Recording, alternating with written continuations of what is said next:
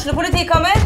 Ine Jansen er purk. Er du purk? The motherfucking bitch. Alt jeg vil, er å finne ut hva som skjedde med mannen min. Jon Carew. Er jeg sikta for noe? Iben Akeli. Det er du. Ole So, Lars Berrum og Big Daddy Karsten. Hvem sin side er du på, egentlig? Anette Hoff, Tone Danielsen, Kommer du fra Afrika? Jørnis Josef, Nesten. Kløfta. Trond Espen Seim, Det er synd å si det, men det var feil mann som døde. Purk. Premiere tirsdag på TV2 Play.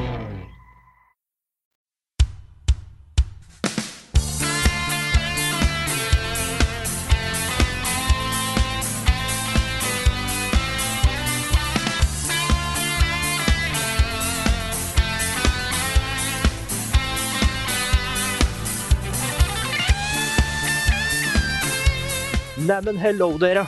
Dette er Niklas Halvorsen, og velkommen til en ny episode av Kan du ta den her, Carl?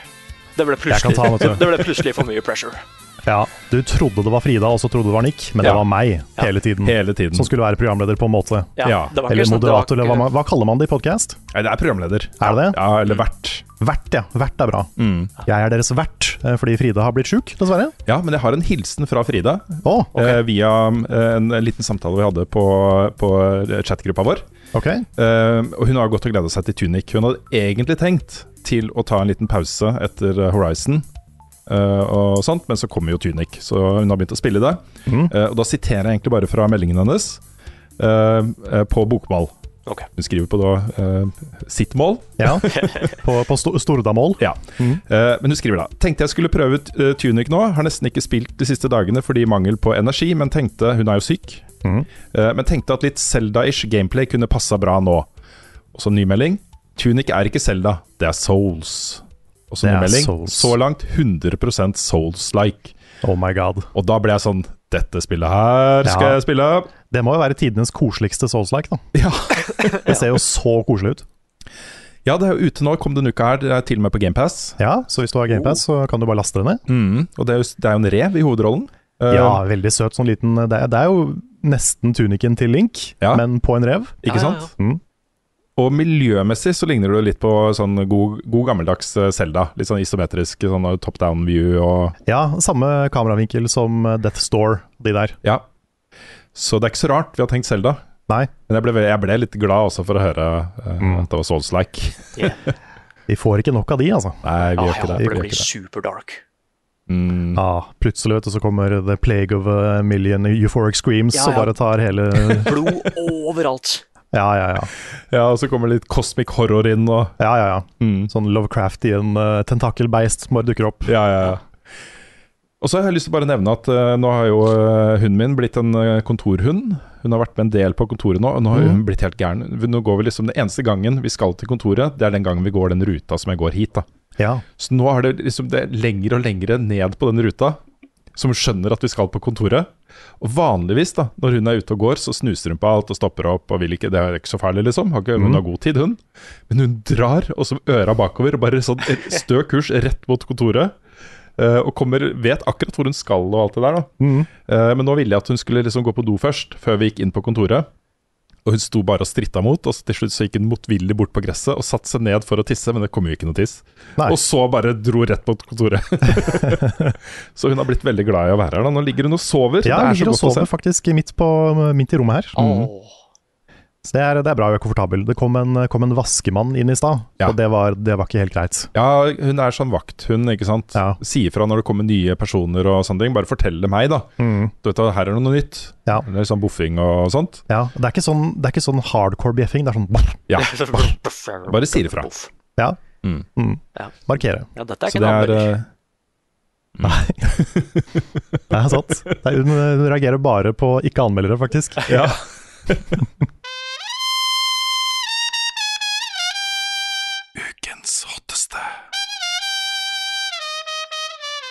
Vi begynner som vanlig med ukens hotteste, og ukens hotteste denne uka er jo da en, en showcase som du har vært på, Rune. Humble Games Showcase. Hva Oh, er det for noe? Ja, altså Folk flest da som spiller på PC, kjenner jo igjen navnet Humble fra Humble Bundle. Ja, de, det, er, de er på en måte en sånn um, samlingsplass for uh, spill som er koselige og force for good og, og, og sånne ting. Og mm. de har jo blant annet nå en, en um, Ukraina-pakke som de forbereder. Ja, for det er ofte til en god sak Ofte du kjøper de, sak. de pakkene. Ja, dette er the good guys, liksom. Ja. Um, og de har nå utvida det til å også bli publishere, så de har da signa en del spill. Det har de begynt med for en stund siden. Uh, så, og det heter da Humble Games, Mm. det, den utgiverstudio. Nå hadde de da for første gang en litt sånn eterlignende pressekonferanse, digital pressekonferanse, uh, på tirsdag. uh, Med da sperrefrist uh, uh, på torsdag, så derfor Mm. kan vi snakke om det i podkasten. Hvor de viser fram, viste fram nye ting som de skal publishe. Um, og det var en veldig hyggelig også, Hvis dere ser for, det, eh, ser for dere de der indie-pressekonferansene fra etere, uh, hvor, uh, hvor uh, tonen er liksom mye mer chill og, eh, og det er ikke så hype, liksom, Nei. så var det litt sånn, da. Mm. Ja, Det er på en måte en sånn holsom versjon av Devolver, kanskje? Det er en veldig god beskrivelse, Karl. Mm. Uh, og jeg syns det er eh, verdt å nevne de andre der også, fordi du har liksom Devolver, Mm. du har Raw Fury, Annapurna, uh, Humble Games, uh, Itch.io. Altså Du har en del aktører nå som eksisterer på en måte utenfor den der store blockbuster-greia, Mm. med himla bra spill. Også skikkelig gode spill. Eh, og det er på en måte en, en motvekt til um, en del sånne krefter i spillindustrien, Mm. som handler om liksom mikrotransaksjoner og kanskje NFT og krypto og sånne ting. Um, liksom, sånn målgruppefokusert spillutvikling. Dette er på en måte mer kunst, da, over i kunst, og så skaper, Mm. skaperverk, liksom. Ja. Og det, er, det trenger spillmedia også. Det er kjempebra. Absolutt. Dette er en del av spillmediet som må tas vare på. Mm. Eh, og de fokuserte jo litt på det også i, i uh, denne showcasen. Uh, det er den første de hadde. Det er den inaugural, som de mm. kaller det. At de, de ville være en, en force of good i spillbransjen. Også de, de har jo eget fond, f.eks., som støtter svarte utviklere. De er ekstra opptatt av å, å funde og hente inn spill fra litt mer sånn mindre kjente spillnasjoner. Mm. Indonesia og eh, østblokkland og Det heter vel Mm. ikke østblokk lenger, men eh, Øst-Europa. Og så land da som kanskje ikke har en sånn tungt etablert spillindustri, men flinke, talentfulle folk. Eh, og så var det da en del helt nye greier de viste fram eh, nå, som, eh, som blåste fletta av meg. Altså. Det var ordentlig gøy å være der. eh, nesten ta liksom den kuleste tingen eh, først. Og den hotteste tingen hadde de spart til slutt. Det er Eh, tradisjon. det er en tradisjon. Det er et spill som da heter Stray Gods, fra et studio som heter Summerfall Studios. Dette er et nytt studio, mm -hmm. bestående av folk som har vært involvert i andre ting før, da, kanskje eh, større ting. Men hør her, folkens. Stray Gods er et role-playing musical-spill. Og så er det en musical. Åh, En interaktiv musical. det fins fortsatt ingen, ikke mange spillmusikaler. Nei, Altfor få. altfor få.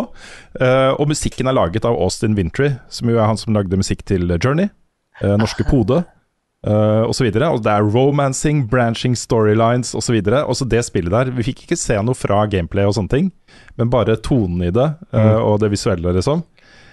Det der kan bli fett, altså. Nice. Jeg lurer på om romansene har sine egne sanger. Ja, jeg skulle- helt Jeg skulle spørre om noen sanger.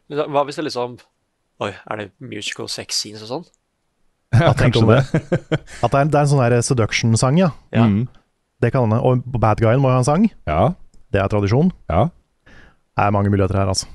Ja, altså castet der er jo altså, De gikk ikke i detalj på hva det med Stray Gods sier, men de hadde liksom eh, tydeligvis det var noe spesielt med de. Så det er eh, kanskje litt sånn derre uh, um, eh, American Gods eh, Altså guder som ser ut som mennesker, men de er guder, Ja. type ting. Mm. Uh, og så så de ganske tørste ut, hele gjengen. ja. Litt sånn Hades, kanskje? Litt sånn Hades. Ja. Det var litt Hades der. Mm. Så det, den gikk ganske eh, kjapt opp på lista over ting jeg gleder meg til, altså. Ja. Uh, For Nei, et det- saftig, herlig konsept. Jeg tror det er et marked for eh, musikaler om eh, kåte guder. Ikke sant? Mm. uh, og så starta det også med en annen høydere. Eh, og dere husker sikkert at vi har spilt eh, Monaco. What's yours is mine i coop. Ja. Og så er det et coop heist-spill. Mm. Nå kommer Monaco 2. Monaco 2 kommer. det gjør det, ja. Ja. ja. Eh, Her har de eh, gått enda mer hardcore inn i det å lage eh, scenarioer og lokasjoner som føles, uh, om ikke virkelig, så i hvert fall også de eh, Er du i en bank, så skal det føles ut som det er i en bank, da. Um, og det er også procedurally generated environments her. Så det er sånn evig gjenspillbarhet, da. Um, og målet er jo, som i det forrige spillet, det er jo å gi deg følelsen av å være på et skikkelig heist i samarbeid med kompisene dine, liksom.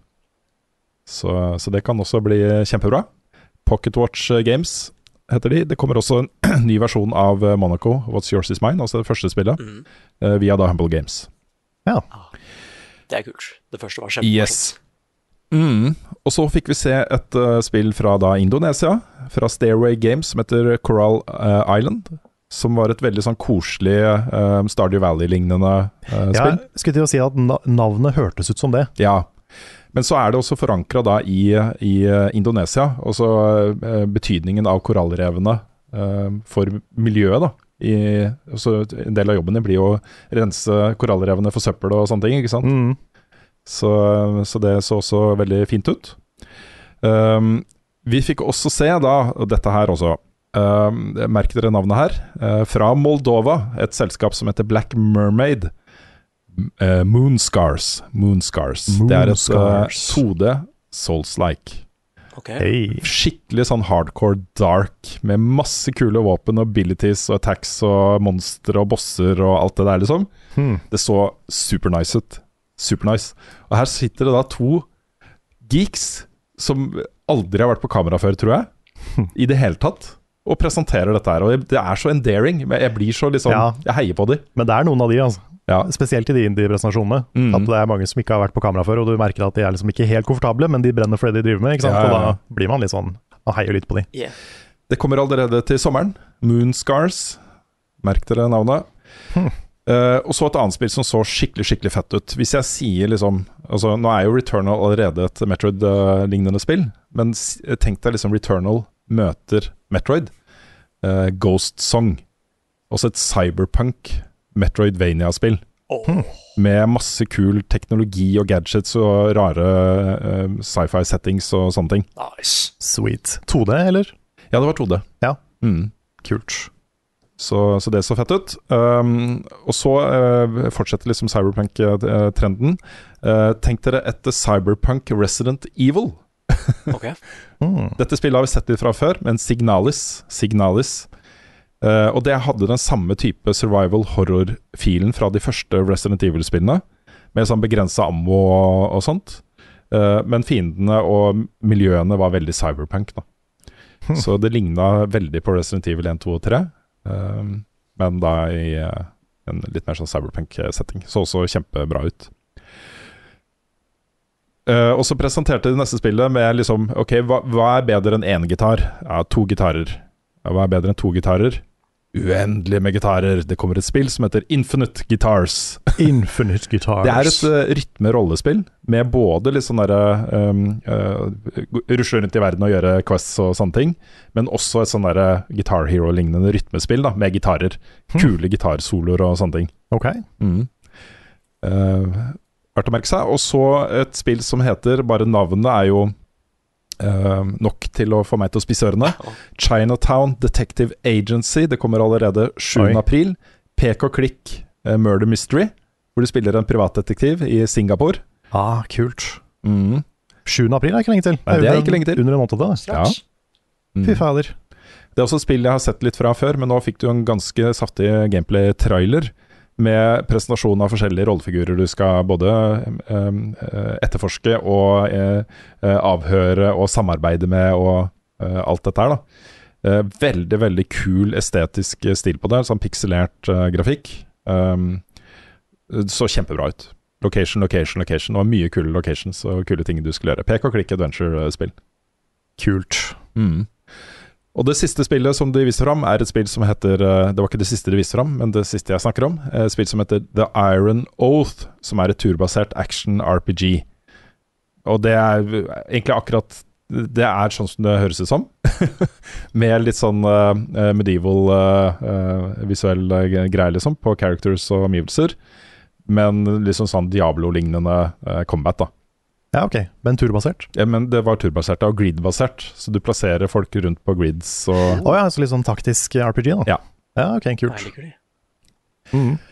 Men det var en utrolig kul opplevelse. Og så når jeg fikk den invitasjonen til å være med på dette her Jeg vet ikke hvorfor, men øh, så var jeg liksom sånn litt usikker på om det kom til å være verdt å være med på det. men eh, fra nå av skal jeg si ja hver gang det kommer den type. For dette var en herlig opplevelse, altså. Ja, dette har jeg lyst til å se. Så vi har, ikke- Jeg har ikke sett noe av de spillene du snakker om nå, så det er eh, derfor ikke vi har så mye å komme med. Men, mm. men det høres jo lovende ut. Alt dette her eh, så veldig lovende ut. Og, alle disse trailerne og showcasen som helhet vil være ute innen podkasten er ute, så anbefaler folk å ta en titt. Ja. Um, jeg syns det er gøy å se at, at Humble Games vokser fram på den måten. Vi trenger, vi trenger sånne aktører i spillmediet.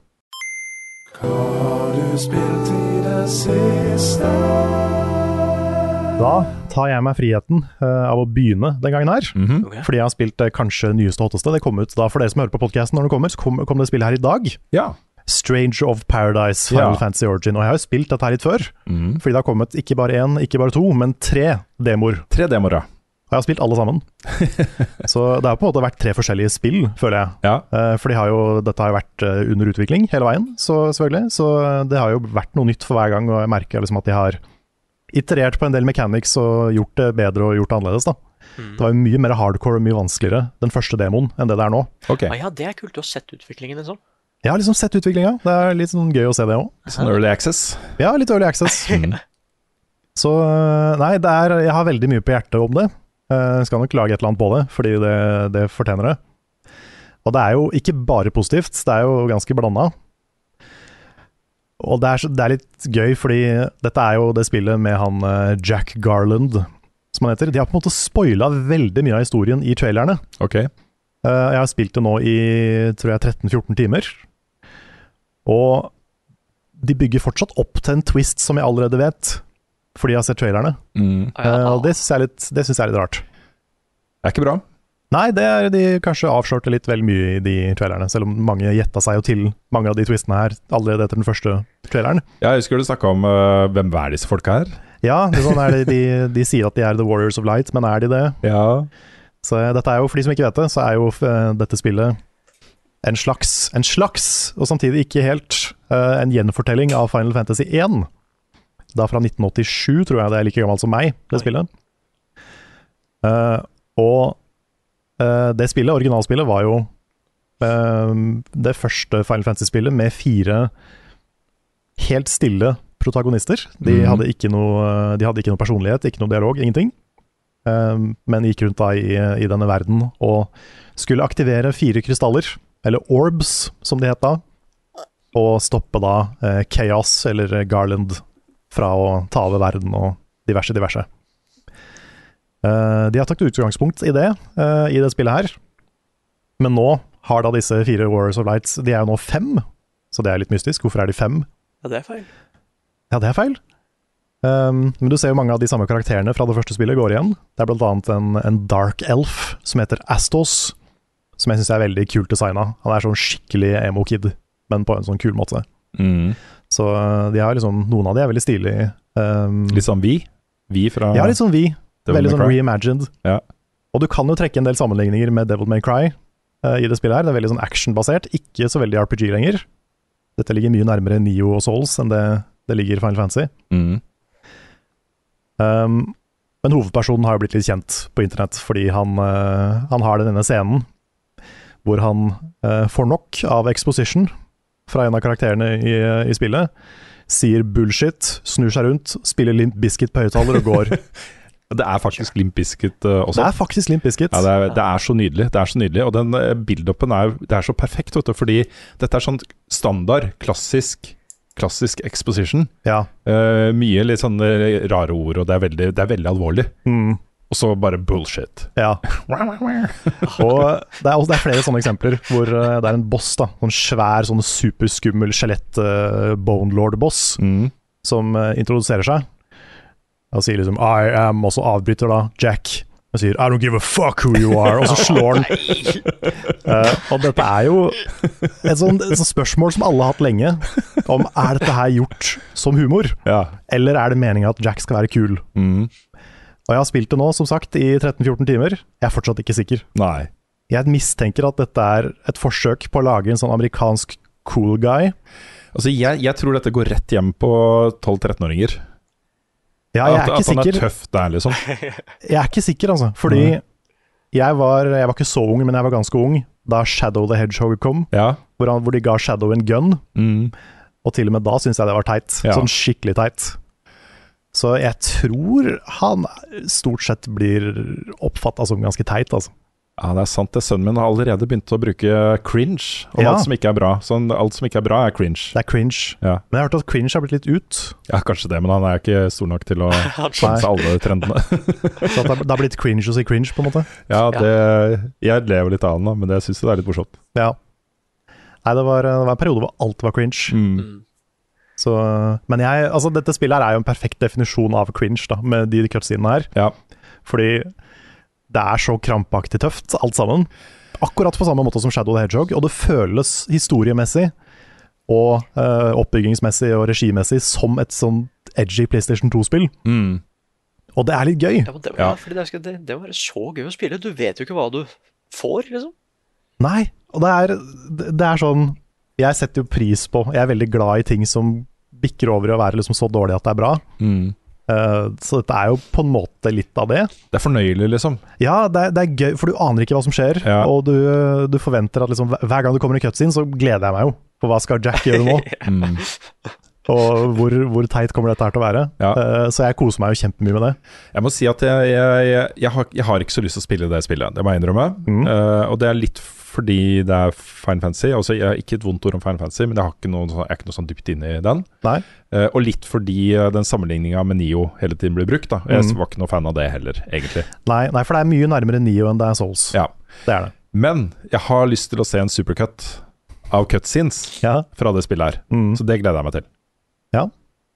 ja, fordi spesielt i starten så er det veldig mye av den der uh, krampaktig tøffe Jack, uh, liksom. Det er en, en av de første scenene i spillet. Så sitter de på en båt, og så har Jack fått et sånn kutt i leppa. Og så sier de at du må, du må ha noe medisin for det der. Sånn, nei, nei, kan fikse det med litt spytt. Ja. Og, og så ser du et flashback til det første gang de møtes. Ja. eh, da de tre hovedpersonene som du blir kjent med helt i starten. Og de har jo hver sin sånn mørke krystall som vibrerer og gløder. Og da er det da Jack som går inn i byen. Han snur seg rundt, og der står de to andre. Sier liksom 'ja, du har en du òg'. Ja ja. Det eneste jeg vet, er at jeg vil drepe Chaos.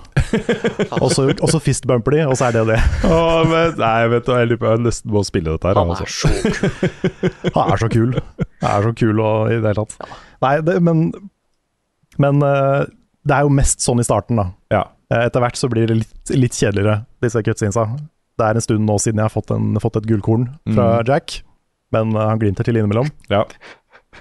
Um, og så er det en del sånn uforløst potensial i det her, føler jeg. Fordi det er ikke bare Final Fantasy 1 uh, de bruker, for de trekker også inn en del uh, locations og ting fra de andre Final Fantasy-spillene. Mm.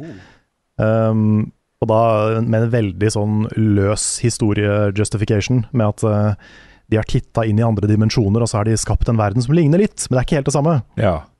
Eh, så du finner liksom en, en level, da, for eksempel, som er basert på en Mako Reactor fra Final Fantasy 7, og sånne, sånne type ting. Mm.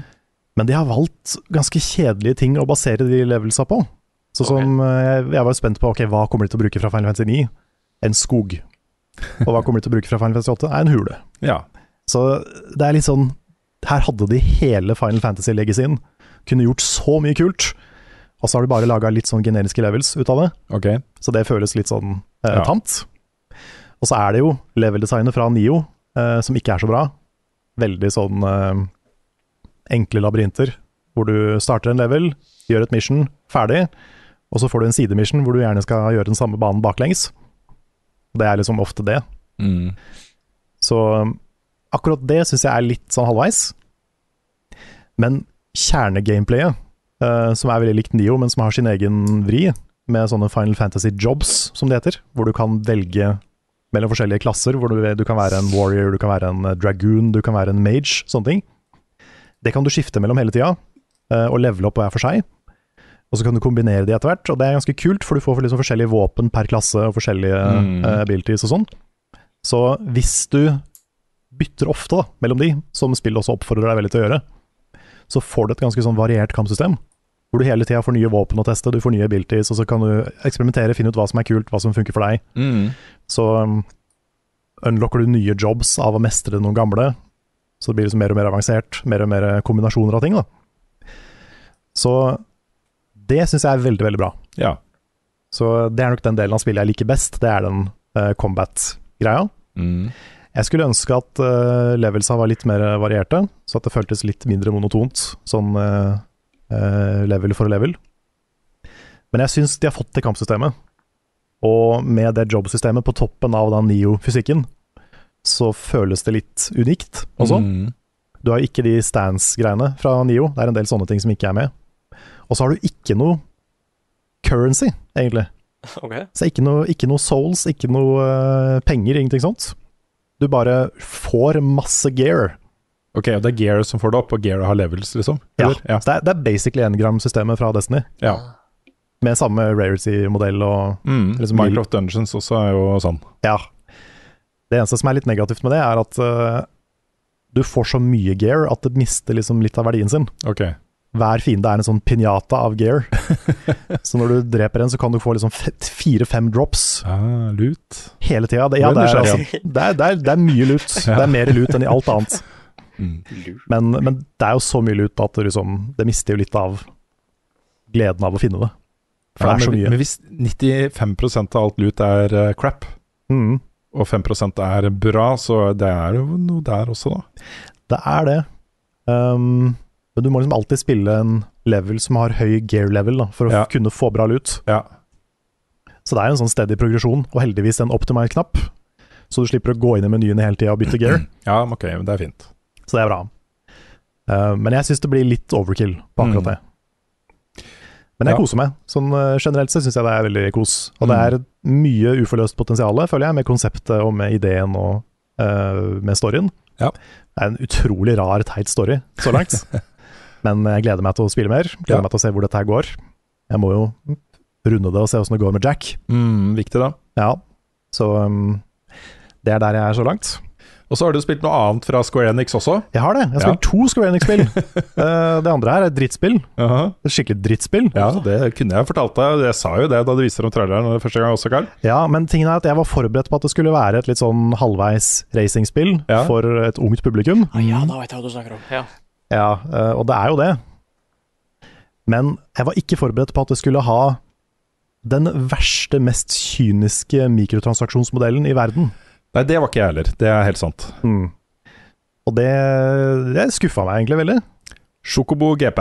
Chocobo GP, som da er et spill for 500 kroner, What? som likevel har businessmodellen til et eh, free to play mobilspill. Ja, okay. det høres jo uh, flott ut. Ja, det er ikke greit. Nei. Og dette er jo et spill som har Altså, det har både Vivi og Steiner fra Final Fantasy 9, Mm. og de fortjener bedre, ass. Ja. Det er ikke greit å bruke, bruke Final Fantasy på den måten her. Nei, det har vært, eh, vært en del sånne litt eh, kjipe toner fra Square Enix på business-siden uh, siste året, altså, egentlig. Ja, toppsjefen spesielt har kommet med en del uttalelser. Ja. Han var jo tidlig ute med å hause opp NFT og mye greier, Mm. eh, som eh, mange av fansen ble veldig skuffa over. Men jeg, jeg har spekulert litt i at, at nå kommer det jo utrolig mye spill fra Square Enix. Veldig mange. Det har kommet, Fall det har kommet også. fire spill fra Square Enix på veldig kort tid. Ja, og så annonserte de plutselig to helt nye rollespill også, eh, på State of Play. Um, det er jo et godt utgangspunkt da, for å eksperimentere litt med litt forskjellige typer betalingsmodeller. Hvis du har mange spill ute, liksom. Mm. Så det virker nesten som det er det de gjør. Ja, det, det kan hende. ut spill, liksom, mm. for å teste ut uh, modeller. Nå har de jo patcha Chocobo GP to ganger etter release Mm. for å gjøre businessmodellen litt mildere, men det er fortsatt bad. Ja. Uh, du må jo, uh, for å unlocke liksom Cloud, som er jo en av de mest populære karakterene i Final Fantasy, så må du grinde deg opp til level 60. Okay. Så det vil si å spille online races i mange, mange, mange timer. Sikkert over ti timer, liksom. Um, eller så kan du kjøpe den, da, selvfølgelig. ja, det kan du selvfølgelig gjøre. Mm. Mm. Så, så det. Og så er jo story-moden eh, virker, Den virker som den bare er blitt snekra sammen på veldig veldig kort tid. Ja.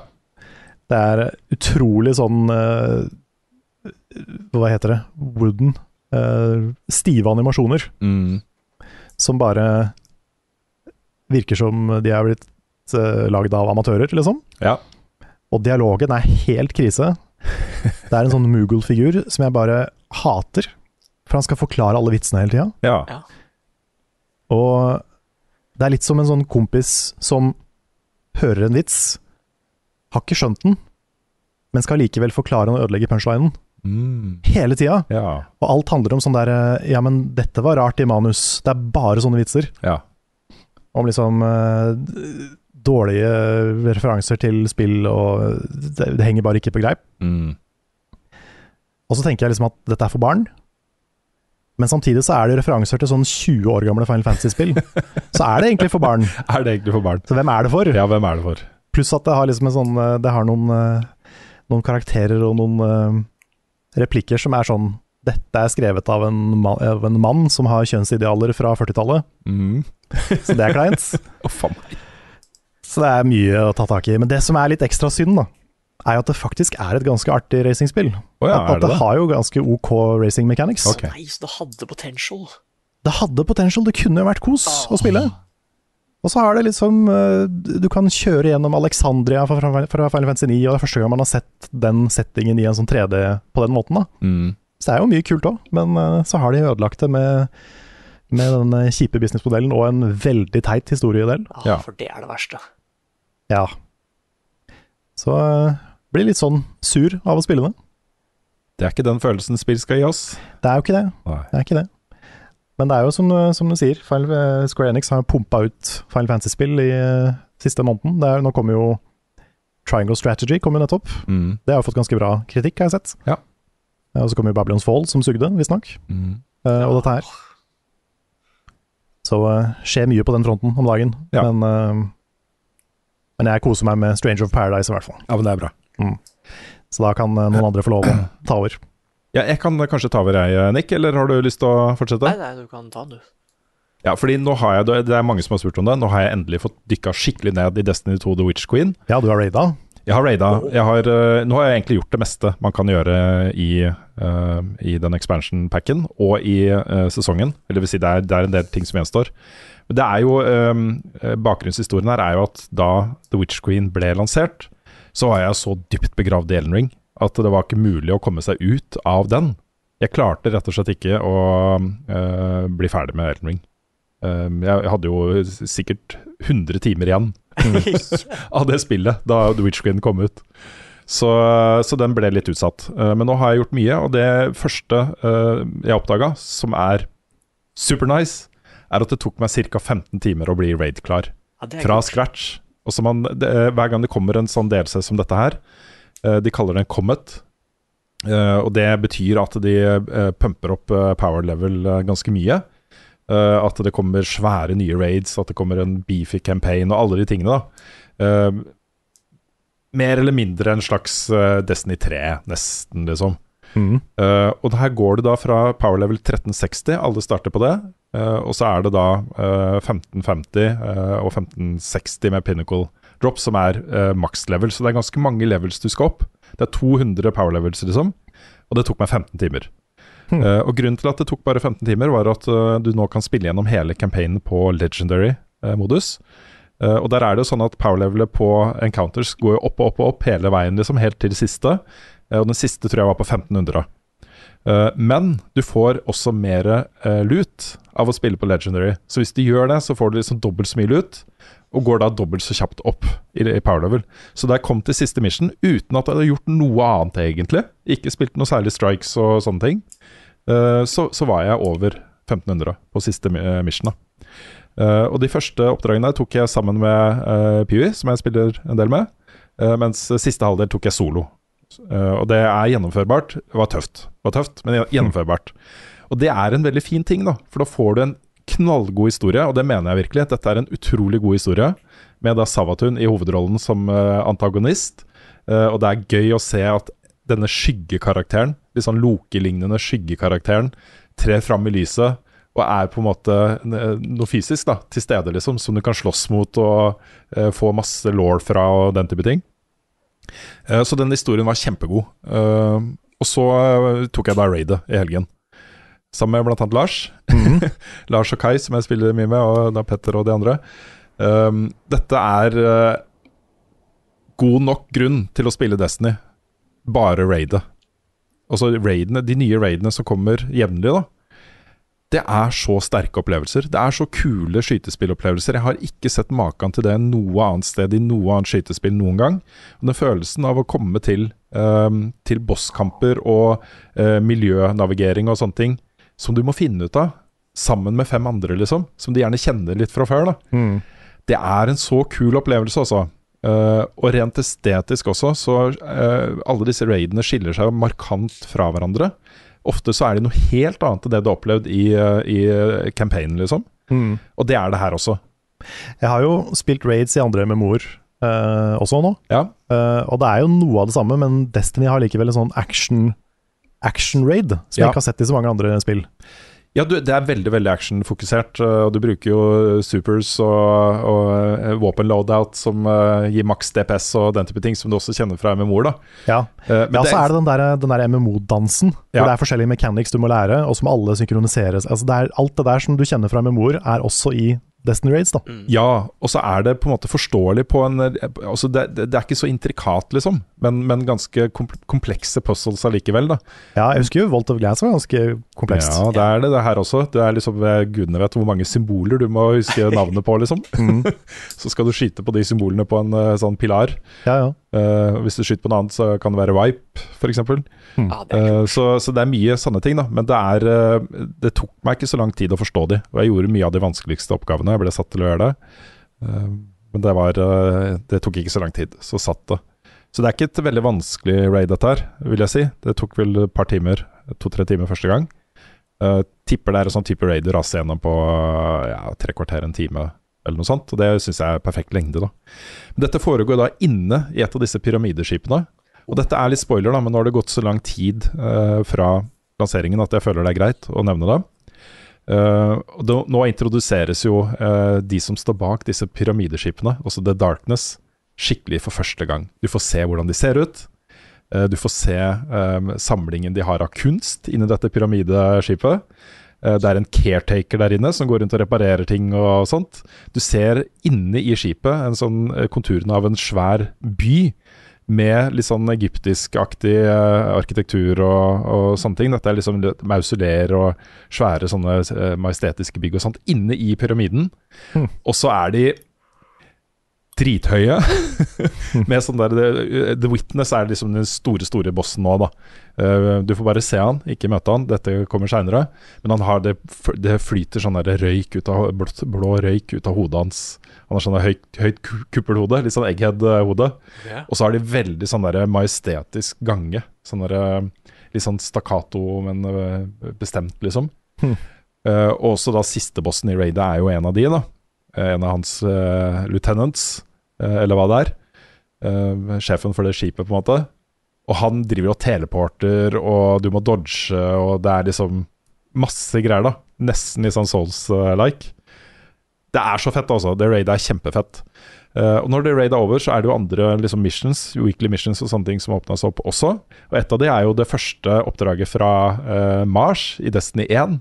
Gjenskapt da, med nye mechanics og helt eh, ny greie, liksom. Så det å bare gå den samme paten som jeg husker at jeg gikk Hmm. utallige ganger eh, i Destiny 1, var kjempegøy, altså.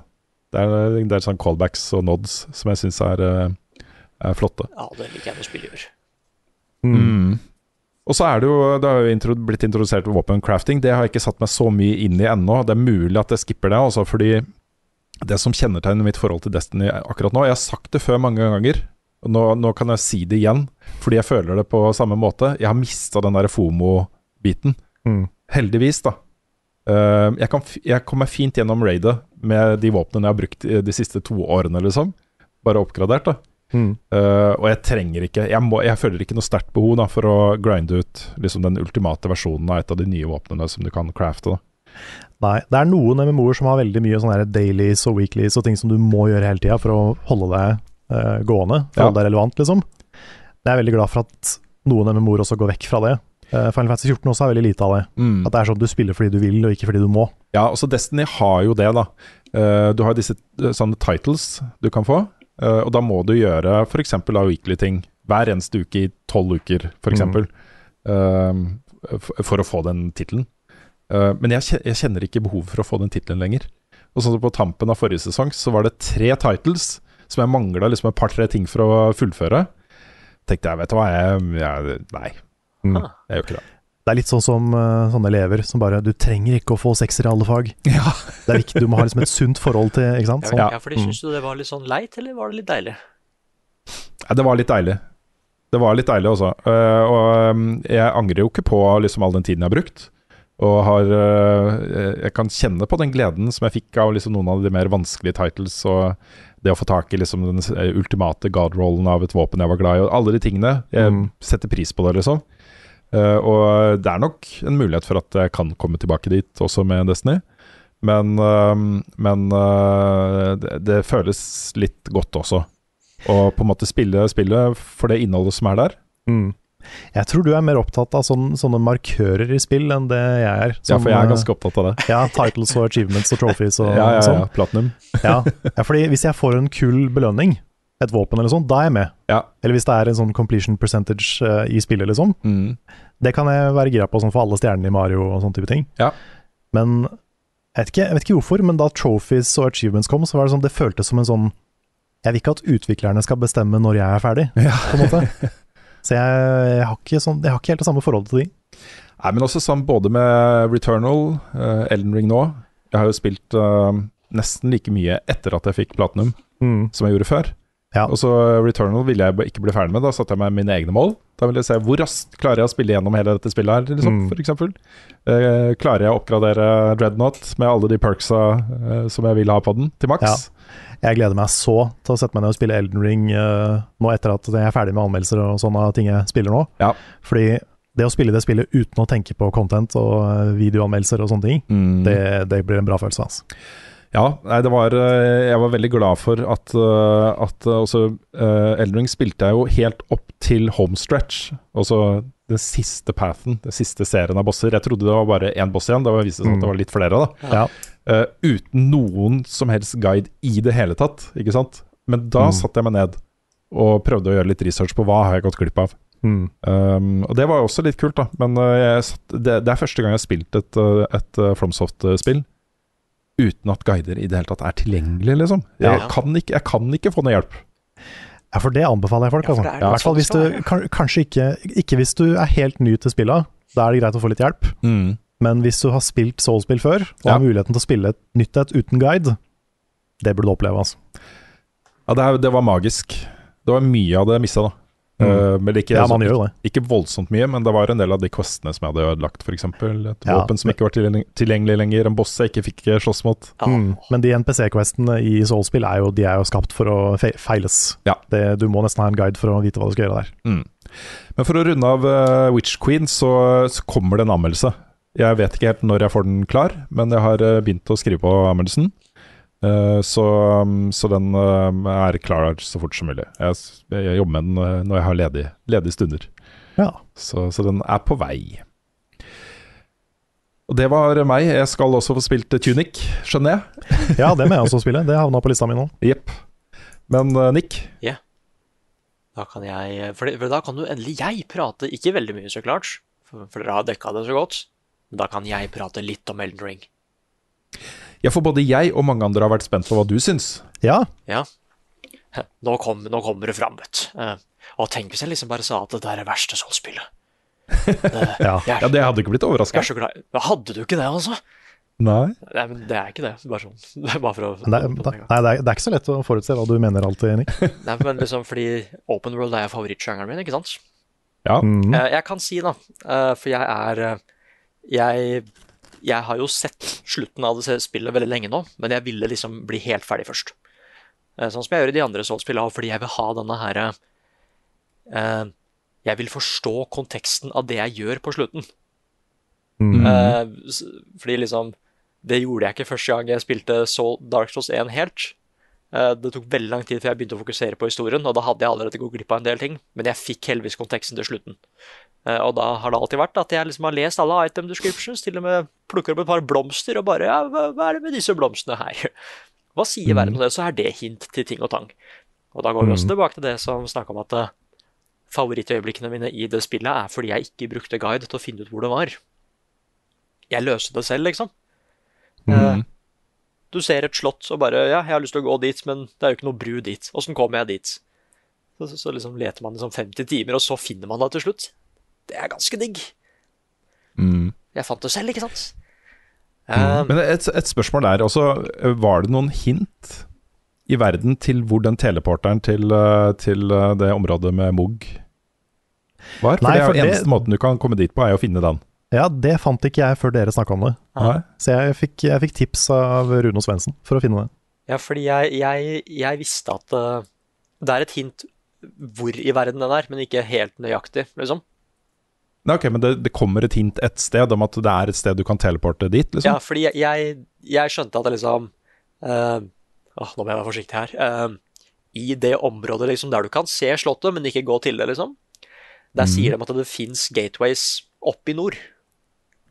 Ja, ikke sant, men det, bare det er det. Bare det er det, ikke sant. Ja. Det er Mm. nok, da. Ja, Mm. uh, og jeg tenkte liksom at det bare, ok, er det, var det sånn det var før, eller er det tilfellet fortsatt, da? Eh, Nei, og det, det var liksom det eneste jeg gikk etter, men det tok jo veldig lang tid etter at jeg leste det. Det tok liksom 40 timer, så jeg hadde jo helt glemt det. Uh, og plutselig når jeg da finner denne tingen, så bare vent et bitte lite øyeblikk, og da får jeg sånn TV-serie-flashback, ikke sant? Ja, det ja, er ja. en greie oppi der! Å, herregud, nå har jeg funnet den. Eh, så det Du, det er noen som har lagd en app til eh, Android og IOS, Ja. som er sånn der Request eh, uh, Organizer.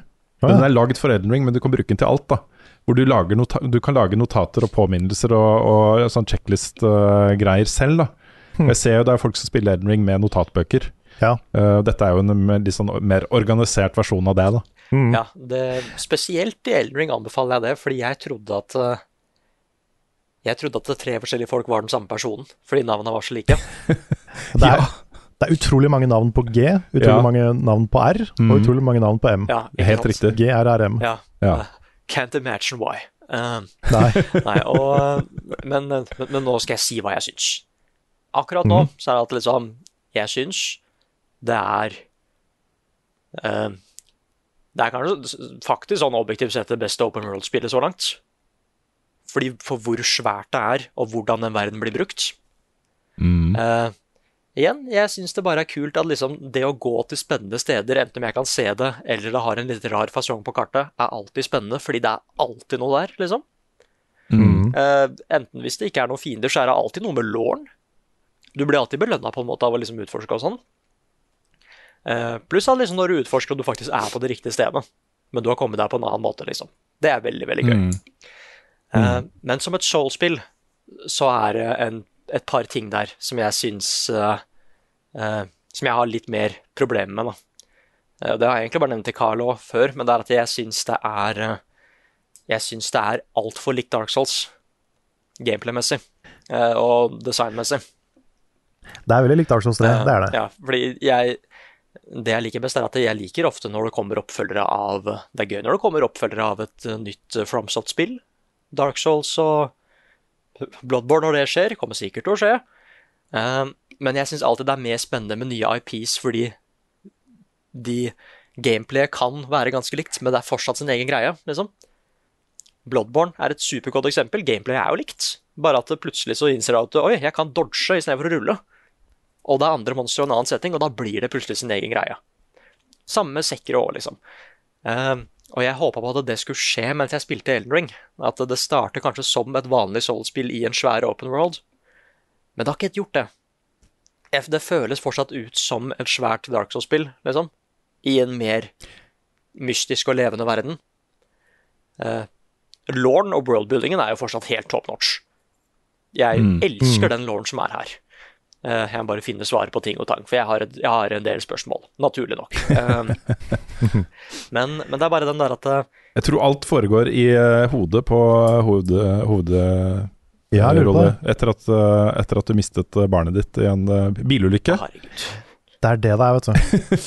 Og så er det sånn limbo at det bare fortsetter og fortsetter. Ikke sant? Mm. Ja. Nå ler jeg med dere, vet du, men så kommer jeg til den siste bossen, så er det en bil. Ja, Eh, Det er en bil. Nei, men liksom bare at det, det er Jeg forventa at det skulle skje en twist etter hvert, hvor det ble sin helt egen greie. Og det føler jeg ikke har skjedd helt ennå.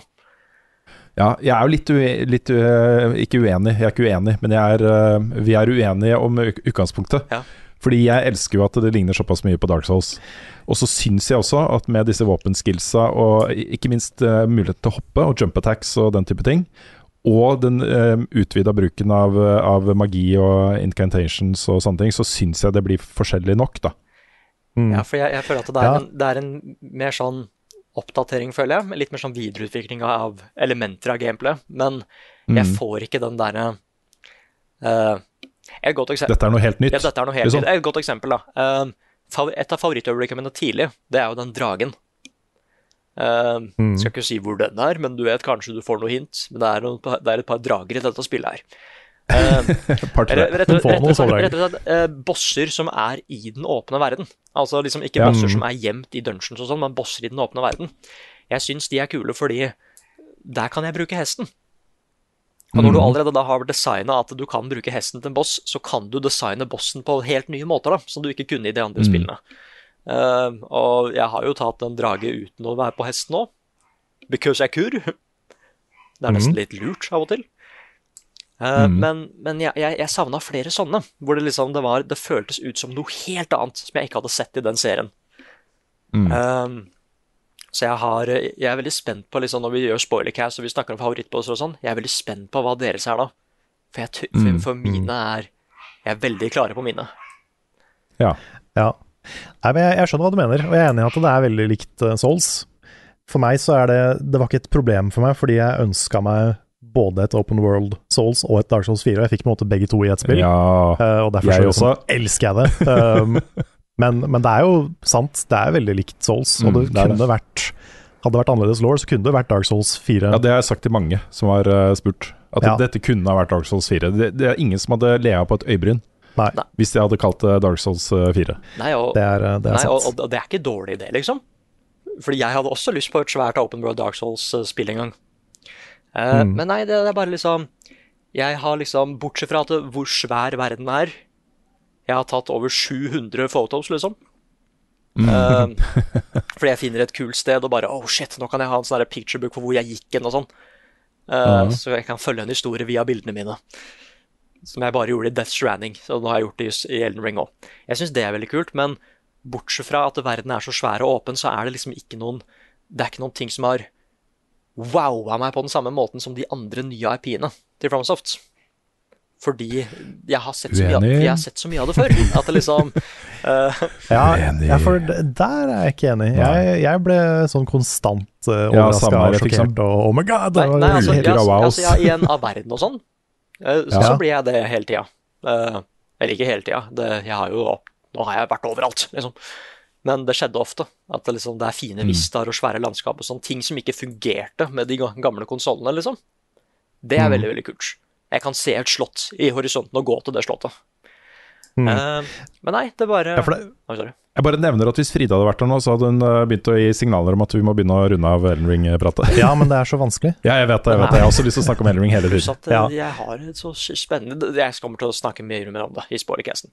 Men nei, så ja, Det må vi få på plass snart, altså. Ja, så det siste, ja, siste jeg kan si, da, er at jeg er Jeg håper det skjer noen skikkelig Noen skikkelig unike ting mot slutten her nå.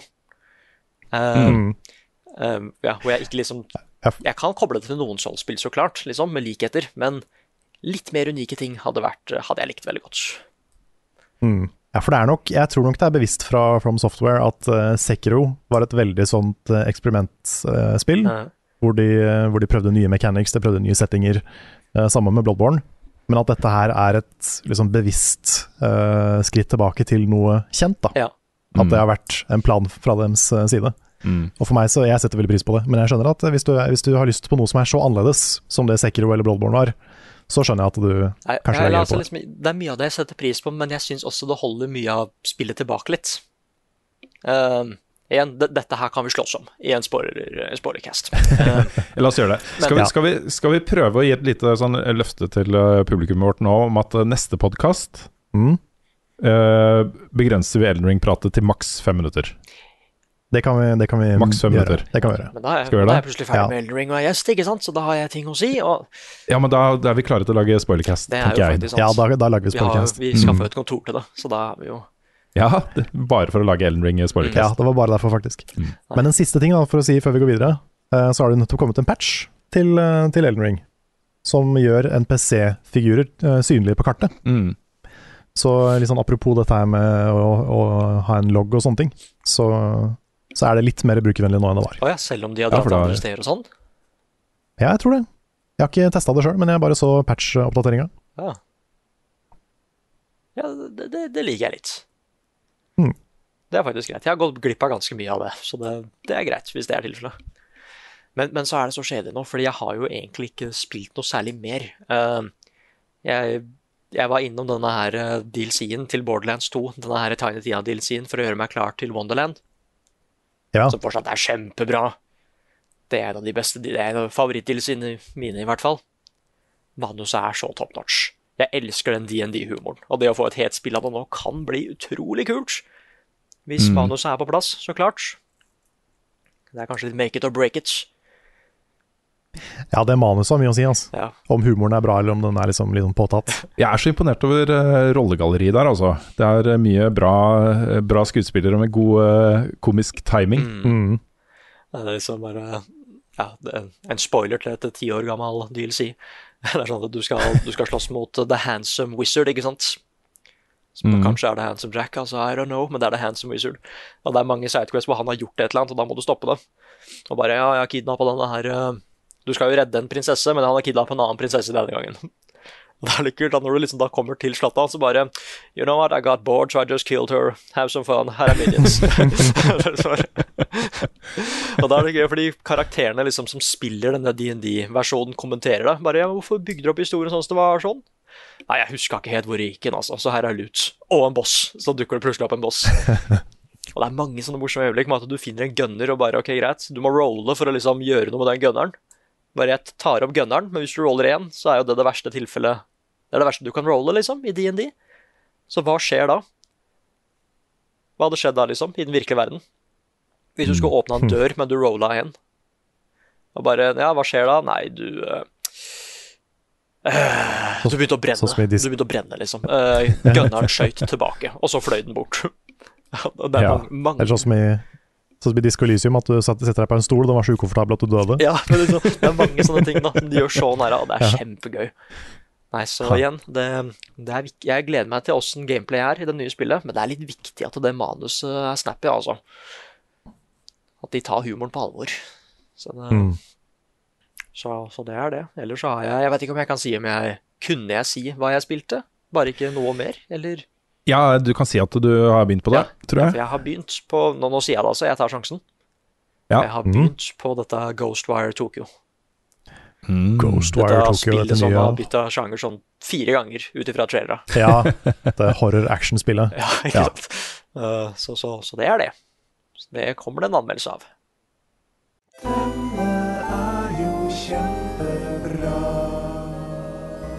Ukens anbefaling. Da er det tid for anbefaling, og jeg hører rykter om at Rune har en TV-serieanbefaling. Oh. Ja Jeg vet ikke om jeg hadde plassert den i ukens anbefaling-spalten, spalten, hvis det var liksom etter utgivelse, men nå, dette er ganske hot. Nå har vi liksom for første gang fått screeners til en TV-serie som ikke er ute ennå. Ja, det er, litt, det er litt spesielt. Ja, så, så det er kanskje litt basert på det. Men det er da TV-serien Halo, Halo. som kommer på Paramount Pluss den 24. mars, tror jeg det er, neste uke. Ja, det er basert på han der eh, Fortnite Doom-guy. Ja, Ja. nettopp. Mm. Uh, og Paramount Pluss er tilgjengelig i Norge via uh, Er det Dplay? Det vet jeg ikke. Det er en av de, men det er i hvert fall via Apple TV Pluss. Så eh, hvis du har Apple TV eh, Pluss, så kan du gå inn der og abonnere på Paramount Pluss inne i den appen. har jeg funnet ut. Uh, men dette er en serie jeg har sett fram til med skrekkblanda fryd, fordi jeg er veldig veldig glad i Halo. Um, og har jo tenkt at dette universet og den mytosen som er liksom rundt Halo, egner seg godt til andre medier. Mm. Det er nok å ta tak i her, med både liksom øh, øh, menneskeheten, da, i, der vi er jo flere hundre år inn i framtiden, øh, og The Forerunners, og denne alien-rasen Covenant. Mm. Altså, det er så mye law-ting det er mulig å gjøre ting ut av. Med artifacts fra Forerunners som er veldig magisk og mystisk, og denne Halo-ringen selvfølgelig, som jo er et uh, masseødeleggelsesvåpen. ja. eh, og sånne ting. da Så, så det har egna seg godt til andre medier, og nå er da TV-serien uh, på vei. Og Jeg har sett to episoder, uh, og det er da de første to, ikke de siste to. Nei, det er kanskje greit. Det er kanskje greit. hvor, eh, hvor mye av liksom Det er mye build-up da til hva som kommer til å skje seinere. Så jeg har fortsatt ikke vært på noen Halo-ring, f.eks. Um, Cortana er bare blir hvisket om. Uh, Mm. Du ser liksom utviklingen av Cortana, introduksjonen av Cortana. Uh, også veldig veldig kult at uh, stemmeskuespilleren til Cortana er jo den samme som i spillene. Ja, Jen Taylor. riktig. Det Ja, så, så, det- så det er ordentlig stilig, da. Um, Men jeg har hørt rykter om at de skal unmaske Master Chief i den ja, det gjør de ganske fort. Ja, de gjør det, Det er litt sånn Mandalorian-øyeblikk. Hvor han tar av seg maska. Men uh, det er gjort veldig med vilje, da, fordi uh, spillene er jo Altså, man får jo et- slags bilde av hvem Master Chief er under maska. Eh, du får en del hint til hvem han var før han joina Spartan-programmet til eh, UNSC og, og sånne ting. Mm. Eh, dette er jo en person da som har blitt på en måte programmert til å bli en supersalat. De har jo genmodifisert han og introdusert av Cortana som et sånt AI-enhancement-verktøy. Og ikke minst også så har de jo sletta minnene hans fra hvem han var før, ikke sant. Mm. Så, så det ligger en del sånn menneskelige ting der. Og i eh, TV-serien så Jeg tenker at de må nok skru opp den menneskelige siden av Master Chief enda litt mer for å gjøre han mer relaterbar og eh, lettere å eh, like, da. Eller Mm. å eh, relatere til, eller å eh, ha et forhold til. Ja, og det er noe de har gjort veldig bra i Mandalorian. Ja. Med at uh, selv om han har på seg en maske veldig veldig mye av serien, Mm. så har han fortsatt et følelsesregister, og du kan Pga. måten manuset er bygd opp på, Ja. Så merker du også litt hva som foregår under den maska. Ja, og det som skjer her i starten Jeg skal ikke ta, skal ikke ta alle de store storypunktene, det har jeg ikke lyst til. Det får folk oppdage på egen hånd. Men det starter jo da med at det er en, en sånn rebel uh, uh, camp. Uh, det er jo mange mennesker som ikke er helt enig i hva UNSC gjør. og tar liksom aktiv motstand, så det blir jo litt sånn motstandsbevegelseaktig, da. Hvor det da kommer et, eh, et Covenant Sheep.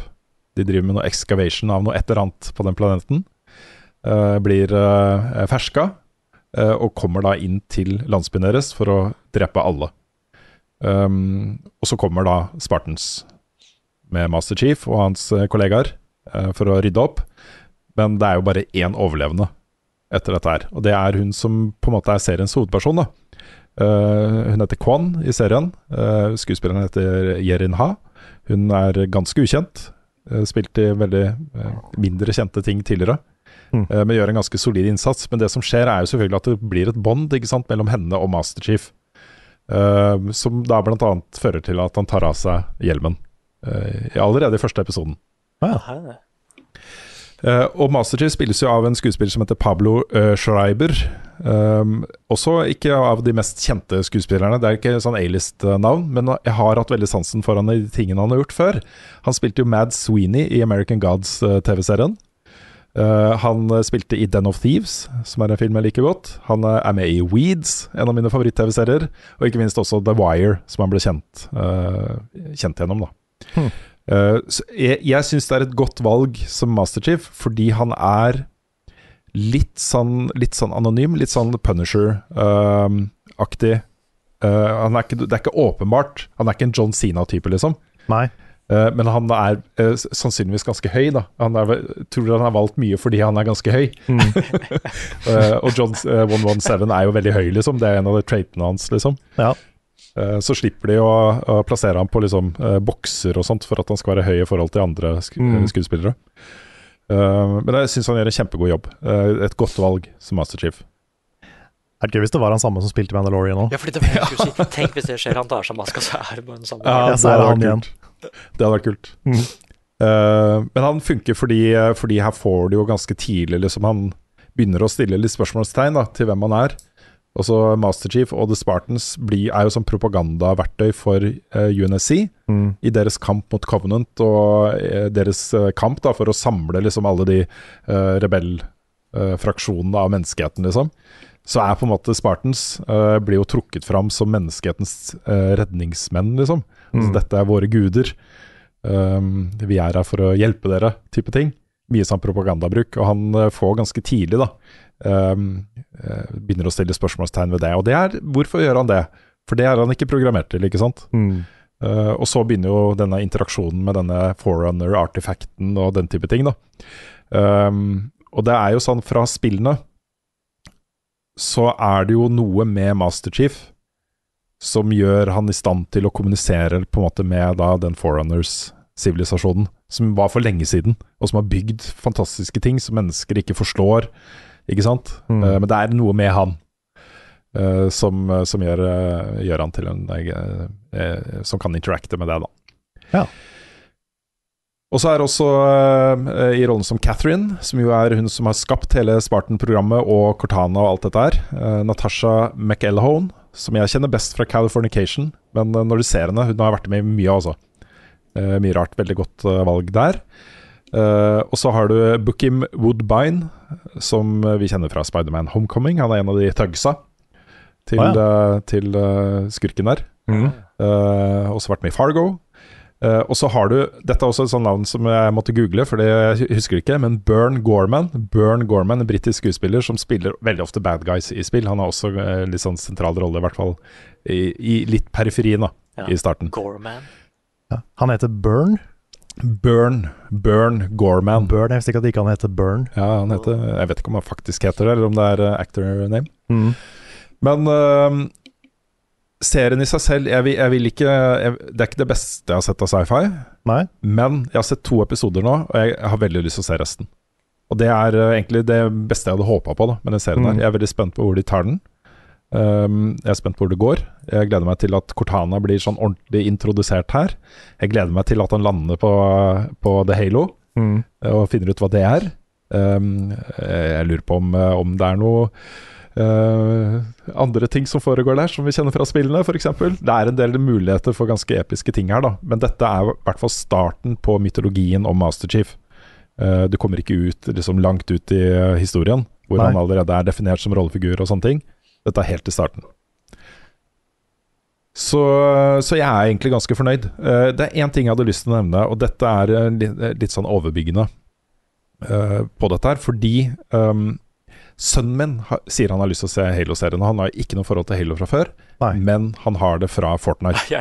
Og Fortnite har jo introdusert utrolig mange, også alt fra Assassin's Creed til Halo, Predator, Mm. uh, Aliens osv. osv. 18-årsgrense, vokseninnhold, Ja, som blir normalisert for barn. Og Fortnite Også sønnen min er jo under 12 til og med, ikke sant? men Fortnite har jo 12-årsgrense. Mhm. Og det er altså så voldelig, den Halo-TV-serien. Det er så utrolig brutalt at jeg, eh, det, det- det stresser meg litt, da. Ja. Nei, jeg skjønner det. For dette blir markedsført nå mot barn. Mm. Masterchief har blitt markedsført mot barn, og de har lyst til å se den TV-serien. Og foreldre tenker kanskje ja, det er basert på spill, det er sikkert greit. Mm. Men sønnen min får ikke se Halo-TV-serien. Det har vært en del caser med sånne ting. Uh, sånn som jeg husker The Mask. Ble jo, det, var jo, det ble jo en film med Jim Carrey, og så ble det en tegnefilm for barn. Men den originale tegneserien, Ja. den er mørk, Ja, den er ganske brutal. Den er, den er fæl, liksom. Mm. Så det er noen sånne hvor ting blir liksom barnifisert, og så må man passe på hvor det stammer fra. Ja, den samme Space Jam 2 òg. Liksom.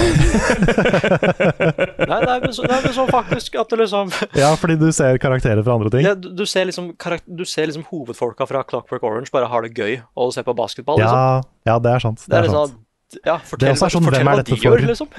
Ja, det er jo hvem er den filmen er laga for. Ja, Mm. De driver og feirer med The White Walkers, liksom, når de bad guys scorer. Det er liksom Nei, Mm. det, Og så var det sånn 20 referanser til Matrix 1. ja, stemmer det. Ja. Det er én person. Det, Ja, Verst at jeg, jeg likte faktisk Space 2 veldig godt, så den, eh, den tror jeg er kjempemorsom å se med en venn. ja. Den er, sånn, den er nesten sånn so bad it's good på noen ting. ja, det er det. Sorry, Rune, hva sa du? Eh, Nei, det er bare voldsnivået her. Det er, Ja. nesten, det er nesten på Punisher-nivå. Folk må være klar over det, liksom, i hvert fall i starten. oi. Eh, så dette er åpenbart en serie som er laget for voksne. Eventuelt at de har eh, eh, gitt blanke i at mange tolvåringer nok har får lyst til å se den serien her også. Mm. Så det, er, det skjer et eller annet med normaliseringen av vokseninnhold for barn nå, altså, som jeg ikke er veldig veldig fan av. Jeg jeg syns Epic burde ha en, en tydeligere policy på hva slags type markedsføring de har lyst til å ha i spillet sitt, når de vet at det er det er tolvårsgrense på det spillet. Mm. Eh, de trenger ikke å bry seg om at det sitter niåringer og spiller Fortnite, fordi eh, det, det er jo sånn foreldreting. Hvis de vil at barna Hvis, det er greit for foreldre at niåringen spiller Fortnite, så skal ikke eh, Epic blande seg i det, tenker jeg da. Mm. Men det er i hvert fall tolv, da. I hvert fall 12. Så um, jeg, jeg, ville nok ha holdt 18-årsgrenseting unna, altså. Da er det ikke sikkert Halo, det er sikkert 16-års, tipper jeg. Ja, jeg tror ikke heller det var 18-årsgrense. Nei, men det burde nesten ha hatt det, også. Det er, en, det er ganske brutale scener i, i første episoden her. Ja, er TV-serien, ikke spilla. TV-serien. Mm. Ja. Mm.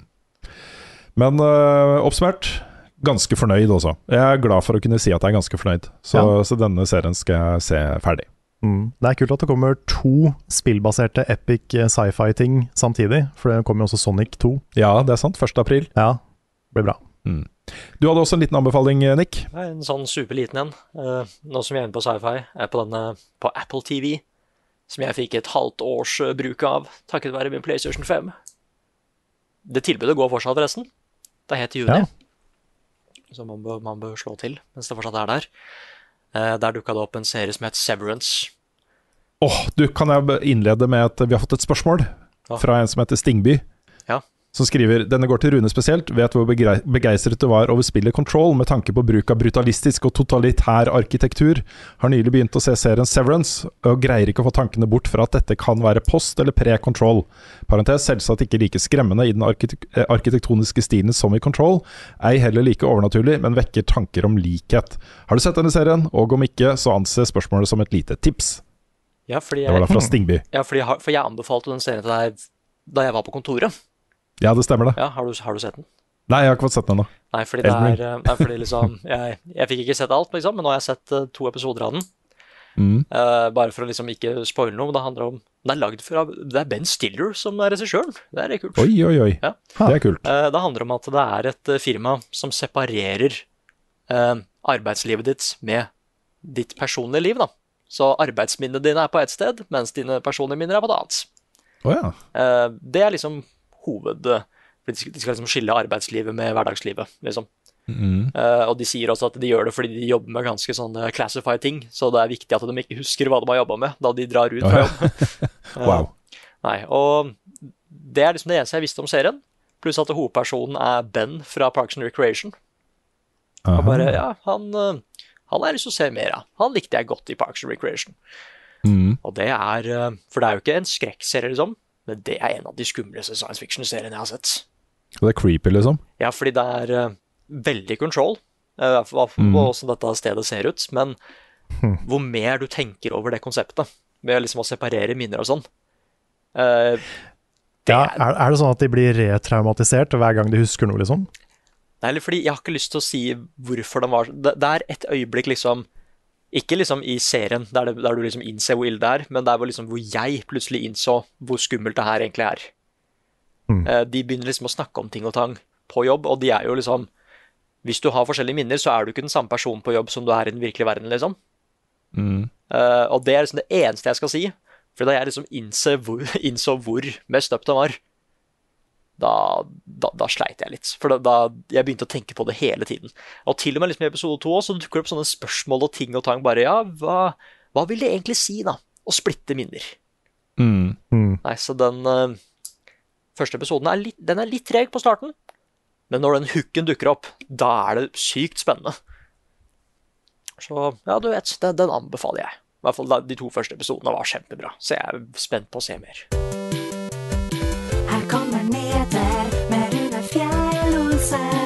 Og han har ikke hår. Jeg starter ukas nyhetsspalte med et spørsmål fra Kenneth Fredriksen, som spør da Hadde vært kult med stream med Nick og Rune, spille gjennom Returnal. Siden dere har forskjellige meninger, kunne det blitt en ting? Og Grunnen til at han spør, er jo at eh, allerede nå 22. mars, det er ikke lenge til, så kommer Coop til Returnal. Stemmer. Da kan man spille gjennom spillet fra start til slutt, som to versjoner av Celine. Ja. Mm. Og det har vi allerede snakka om, Nick, så det må vi få til. Ja, det er, eh, vi har jo common enemy, liksom, så da må vi jo bare Ja, ja, ja. Ja, den streamen skal jeg få med. ja, den uh, håper jeg vi kan få tatt her på kontoret også. Ja, det er Ja. kult. Mm. Jeg I'll bring the popcorn. åssen- Ja, åssen da? Da må jeg ta med meg Nei, da skal du jo holde med én PlayStation. Ja, kanskje ikke det er Nei, det er nok kanskje ikke split screen? Nei, det tror jeg ikke det er. Nei. Det er sikkert uh, online. Ja, det vil jeg tro. Ja, men det finner vi ut av. Ja, Det finner vi ut av. ja. Uh, men uansett da, så har det kommet litt flere detaljer om, uh, om denne DLC-en. For det er jo en delse som både introduserer co-op Mhm. og et nytt sånn derre tårn. eh, sånn evig tårn, på en måte. Som har procedurally generated levels og bosser og fiender og, Stemmer. og, og, og sånt. Eh, det heter da Tower of Sisyphus. Eh, og ifølge da eh, Wikipedia så var Sisyphus var konge, helt og skrekkeksempel i gresk mytologi. Ja, jeg kan litt om Sisyphus pga. Hades og sånn. Ja, ikke sant? For han eh, tar jo den steinen Ja, som han skal bære opp en svær, klippe, ja. men så ruller han alltid ned, så han må begynne på nytt. Og sånn er dette tårnet her også, ikke sant? Ja. når du kommer til toppen, så er, kan, må du starte på nytt, ikke sant? Det er Mm. ja, ingen ende. Men det de sier da også, er jo at eh, i det tårnet vil det være en ny boss, som heter Algo. eh, kommer fra Algos, som eh, står for da fysisk og følelsesmessig smerte i gresk mytologi. Ja, så klart han gjør det. Så den følger jo opp trenden med de andre bossene i spillet, eh, som jo er modellert etter sorgprosesser. Ja, jeg tror uh, Celine hadde trengt en God of Wine Ja, ja, til å bare gjøre ting litt lettere. ikke sant? Kan de ikke bruke de gudene òg, da? Liksom. Ja. Eh, det kommer også et nytt våpen, som heter Mhm. Discorder, som passer jo fint. Vi sitter jo og prater på Discord. Gjør det. Mm. Gjør det. Dette er et, eh, blir beskrevet som en slags bossvåpen. da. Det er utrolig powerful, men det har veldig begrensa med ammo. Hmm. Så jeg vet ikke om de innfører da muligheten til å ha flere våpen på det. Ja, Eller om du må plukke opp et ja. nytt når du har brukt opp. Jeg vet ikke. Så det har Ja. faktisk ammo. Faktisk ammo. Ja. Uh, og så da, ikke minst, i da Tower of Sisyphus vil det være mer law. Eh, og det de sier, er at du vil få flere hint om hva som egentlig har skjedd med Celine. Hmm. Så det er litt spennende. Du har, uh, det vi har sett da fra traileren, er jo at eh, hun er i en sånn sykeseng som blir rulla rundt i en korridor. Ja, det er en heis som En heis og en par nye rollefigurer, i hvert fall én ny rollefigur. Mm. Sånn lege, uh, legerollefigur. Så, så det er litt spennende. Kanskje du får noen biter der eh, av puslespillet, Nick, som du vil sette pris på? Eller få deg til å hate det enda mer? Nei, altså Det er brutalt å si det, men jeg føler at skal de faktisk få, klare å snu det her for meg, så må de retconne en del ting. Ja. De kan jo ikke gjøre det. Nei. For da ødelegger de for de som likte det òg, liksom. Mm. Ja. Jeg, jeg, jeg tolker de nye scenene som at på en måte min forståelse av historien eh, er ganske riktig. Ja. Så eh, jeg ble, jeg ble happy for å se Kanskje, kanskje, de, ja, også kanskje de lener liksom enda mer mot noe som er canon, kanskje, ikke sant? Ja, ja, for det, det vil jeg gjerne se. Ja, jeg, vil, jeg, vil, jeg vil ha litt mindre motstridende informasjon. Jeg vil Ja. ha litt mer konkret, som jeg kan hekte noe på. Ja, Mm. ja, det, det, det er faktisk likt litt. Mm. Et, jeg trenger ikke et helt ordentlig svar, men litt mer. Mm. Litt sånn som med, med Nå er vi tilbake på det igjen, men litt sånn som med da FromSoft sine spill. hvor du, det er et puslespill, men det har et svar. Ja. Mm. Men det her eh, Tower of Sisyphus er jo da faktisk evig, har de sagt. Ja. Altså du, du vil få bare nye nivåer hele tiden, men til slutt vil det bli så fuckings vanskelig at du ikke klarer det. Mm. Ja, så vil det det være leaderboards, da, sånn at det er om, det er om å gjøre å komme lengst, på en måte. Ja, jo lengre du kommer, jo bedre loot får du og sånne ting, da. uh, bedre rewards. Eh, og det er det samme her som i, i, i campaignen, liksom, i, i historiedelen. Så vil du jo kunne oppgradere perks på våpen og sånne ting. De har sikkert introdusert noen nye perks på de våpnene som allerede er der, og, og Mm. sånt også. Ja, jeg tror Så, ikke det er um, Og så vil det være sånn safe haven-etasjer, da. Ja. Hvor du kan kjøpe ting og Hvem blir den første personen som maksimerer minnet i spillet og finner toppen? Ja, for, ja, for jeg, jeg tror de bare har sagt det for å liksom bygge det opp til en sånn uslåelig utfordring, liksom. Jeg tror ikke det er evig. Nei. Og så kan det jo ikke være evig, fordi Pacman er ikke evig. Nei. Du, du når slutten av Pacman til slutt. Det Ja. glitcher, og så er det ferdig. Pluss at eh, et tårn har jo en slutt, hvis ikke så er det en søyle. Mm. Ja, du sier noe. Det er ikke et tårn hvis det ikke har en slutt. Nei, ikke sant? Come on, designers. wow, you think you... Er, er det noen av oss i redaksjonen som kommer seg til toppen av det tårnet, så er det i hvert fall deg, Nick. Ja, Det er det. det. Det skal du ikke se bort ifra, for jeg tror du er ganske mye bedre enn meg enn i Returnal. Ja, men det er fordi jeg har spilt det så mye. Så det er jo sånn med det, jeg, tar jo, jeg må jo øve masse for å bli god på ting. Ja, Men jeg må jo øve. Så um, Pluss at jeg har jo fortsatt ikke klart å spille gjennom alt på ett liv ennå. ja, det har jeg klart. Ja, det Ja, har det er du. klart. Ja. En gærning. Da, nå får vi se da hvem som er best i Returnal. ja.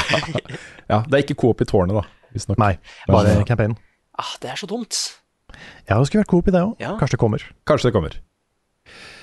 Vi, eh, det ble en litt sånn kort nyhetsspalte denne gangen der. Vi hadde jo eh, masse nyheter i spilluka som kom på tirsdag. eh, Men en av de nyhetene vi hadde med der, har jeg lyst til å nevne her også. Og det er at eh, Stalker 2, Heart of Chernobyl, nå har endra navn. Nå staves da Tsjernobyl på samme måte som de gjør i Ukraina. Og det er da Tsjornobyl. Tsjornobyl. Tsjornobyl. Det samme har skjedd med eh, Kiev, hovedstaden, som nå eh, eh, skal skrives annerledes. Kyiv istedenfor Kiev.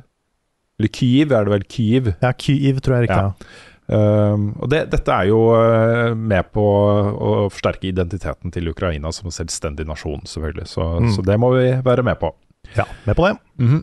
uh, og så blir det, det blir litt mer Elden Ring også. Um, eh, nå beskriver da publisherne av Elden Ring og From Software uh, Elden Ring som starten på en ny franchise. Og dette er jo ting vi har spekulert mye i. Kommer det en Elden Ring 2, liksom? Mm. Og det tyder, alt tyder jo på det. Det har solgt 12 millioner eksemplarer bare på så kort tid. Ja, og det er ganske unprecedented for From Software. Ja, ja, dette tar de opp i en, en eh, helt eh, ny liga i, i spillverden, spillsverden. Eh, og det er også ting vi har spekulert i i forkant, med all den oppmerksomheten spillet har fått i forkant. Og det blir stemt fram som det mest etterlengta spillet på Game Awards og Golden Joystick Awards. Og, eh, Mm. det, det har vært så frenetisk, liksom, den interessen rundt dette spillet her. Uh, så, så ikke overraska over det, altså. Jeg er jo litt spent da på hvordan de tar dette videre hva, hva de gjør. Og så er det, vil det fortsatt være i The Lands Between, eller introdusere Ja. noen, en helt ny greie? Liksom? Vil det fortsatt være George R. R. Martin eh, involvert? Ja, jeg Stephen tipper det, altså. dukker opp. Ja, Stephen King i stedet. De bare får inn nye forfattere hele tida. Åh, det hadde kanskje vært litt Ja, kult. men, men jeg liker den ideen veldig godt. Mm. De gjorde det på Mm. dette her Kingdom of Nei uh, Reckoning, hva er det det heter? Eh, Ja, Kingdoms uh, of Alamur. yeah, yeah, yeah, For der var det også en kjent, Stemmer. en kjent forfatter liksom, som sto bak settingen og sånn. Mm. Og Det er litt kult, når du da også liksom gir det den der vrien som FromSoft er kjent for. Sant. Men det fins jo, det er jo canon i Elden Ring allerede, at det er flere lands som ikke er eh, besøkbare. Å ja. Jeg mener i hvert fall det. Hvis ikke jeg tar helt feil nå, så er det referert til andre, andre steder i okay. verden. Ja, altså du ble jo du ble banished fra The Lands Between. Ja, hvor var du da? Hvor var du da, liksom? Mhm. Og kanskje da tilgang til flere nye områder derfra, liksom? Sant. Det er mye du kan gjøre. Ja. Nei, det ble jeg i hvert fall glad for å se, da, at, eh, at det kommer mer her. Men jeg tipper nok at de fortsatt også kommer til å ha liksom et eh, team og et fokus på de litt smalere narrative opplevelsene. Eh, at det vil komme ting som Sekiro og Bloodborne også, Ja, jeg tror det. fra From Software. Ja, Jeg lurer på disse ryktene, for, fordi det har jo vært både Azteker, et Aztekerspill, liksom, Ja, Uh, og et piratspill. Så jeg lurer på om Piratspill er sikkert neste. Nå som dette har gjort det så bra, ikke sant. Open Mm. World Ja. Forms og piratspill. Hvis ikke ryktene om Bloodborne 2 fra Bluepoint er sanne. Ja, for jeg, det jeg, jeg tror begge delene kan skje. ja det tror jeg Mm. også. Og så kommer jo, eh, kommer jo eh, Hva er det det heter, da? Det der Mech-spillet deres? Armored Ja, Core. Armored Core, ja. Armored Core kommer- Det har det blitt vist ting fra. Mm. Ja. Det også hadde det, jeg, jeg er ikke så veldig glad i Mech-spill, egentlig. Jeg syns ofte det blir litt sånn møljeslåssing og litt mye sånn der button mashing. Spamming av raketter og dodging og Ja, sånt. no, noen av de har tendens til å være sånn. Ja. Det var litt gøy. Jeg Men, hata eh, treeren, men digga fireren. Det var før. Souls. Ja, det Ja, det er for du har spilt det? Ja, eller bare de to. liksom. Ja, jeg har ikke spilt noen av Armored Core-spillene. Det var kule roboter. Det er vel 13 år siden det kom et nytt eh, mainline-spill i, i den serien, tror jeg. Hm. Så, um, så det kan jo bli bra, det. Miyazaki skal jo være involvert der også. Mm. Busy mann. Også noen uh, relaterte nyheter som jeg syns det er verdt å ha med og runde av nyhetsspalten med. Men det er jo da at uh, du har en YouTuber som heter SuperLouis64, som nå spiller gjennom Elden Ring med bananer. Med bananer. Ja, jeg så han det. har det er veldig, Han har kobla opp da bananer til Åpna opp uh, DualSense-kontrolleren og kobla til bananer via elektroder, og så trykker han på bananene, og så responderer da eh, kontrolleren på det du trykker på. Veldig morsomt. Du har en speedrunner som heter Distortion2 på Twitch og YouTube, som nå er under 29 minutter også. 28 minutter og 59 sekunder på rulletekst.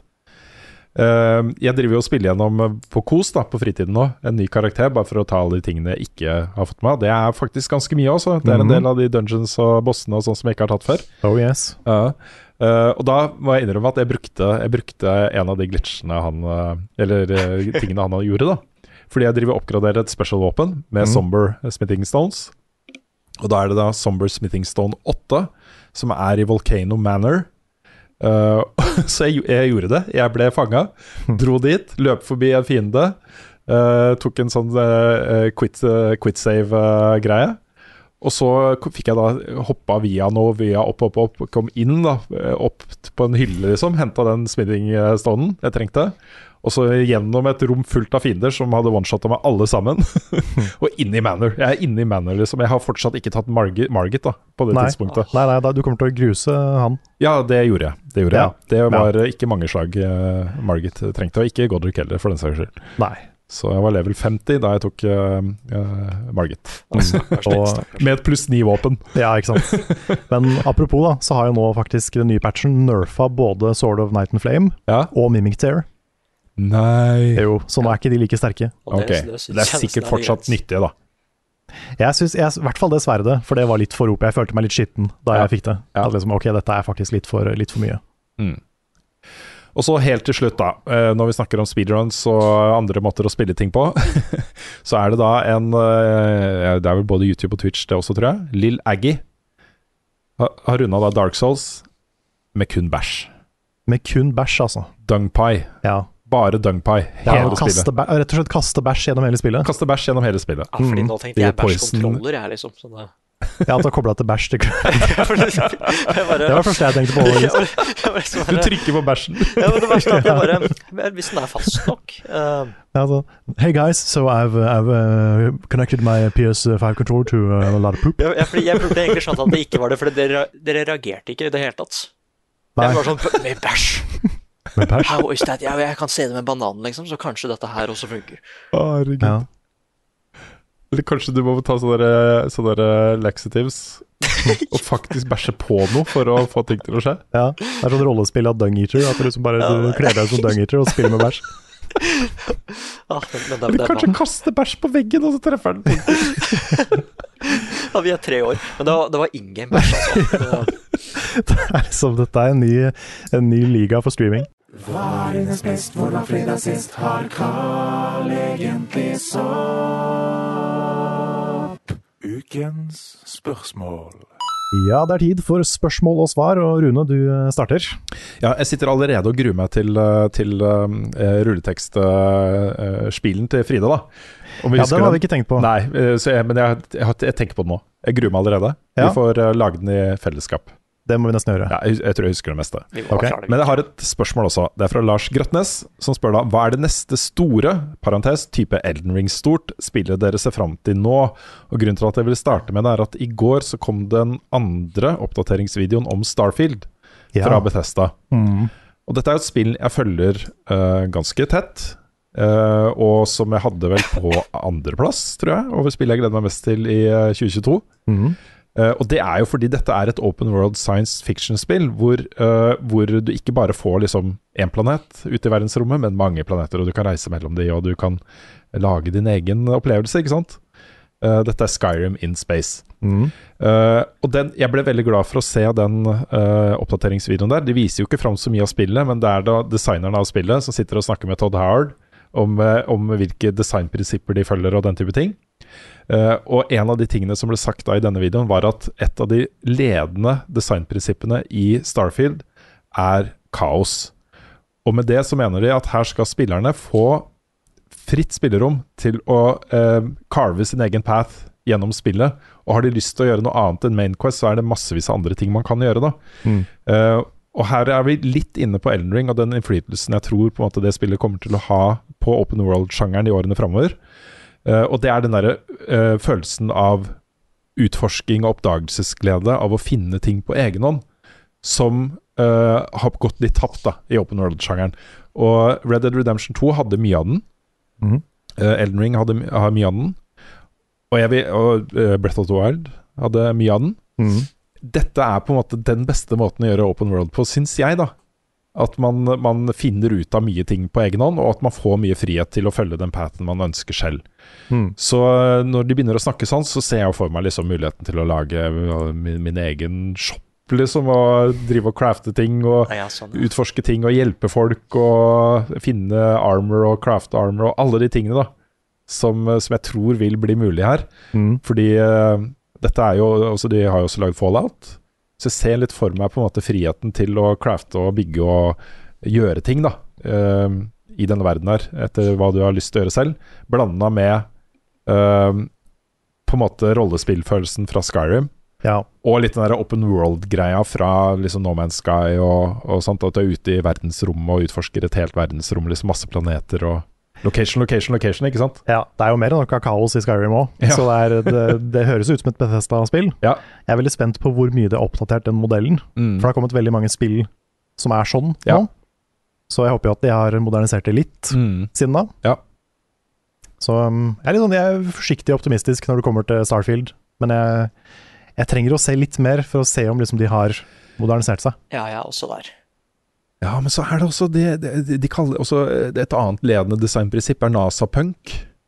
Altså, Ja. dette, dette skal føles ut Ja, dette, dette er i framtiden. Det skal føles ut som om det kommer fra oss, mennesker som er her på jorden i dag, Mm. i framtiden, da. Ja. Uh, men blanda med litt mer sånn der hjemmesnekra punk-feel, da. Det er også er sånn som jeg Det er min favoritt-sci-fi, liksom. Ja. Hvor eh, ok, dette, dette kunne, kunne vært virkelig, og så drar de den ut i litt sånn fantastiske retninger og sånt fra det, da. Ja, Mm. for det, det kan bli dritkult med at liksom, hvis ting er så virkelighetsnært, men det sa, så begynner å dukke opp noe overnaturlig.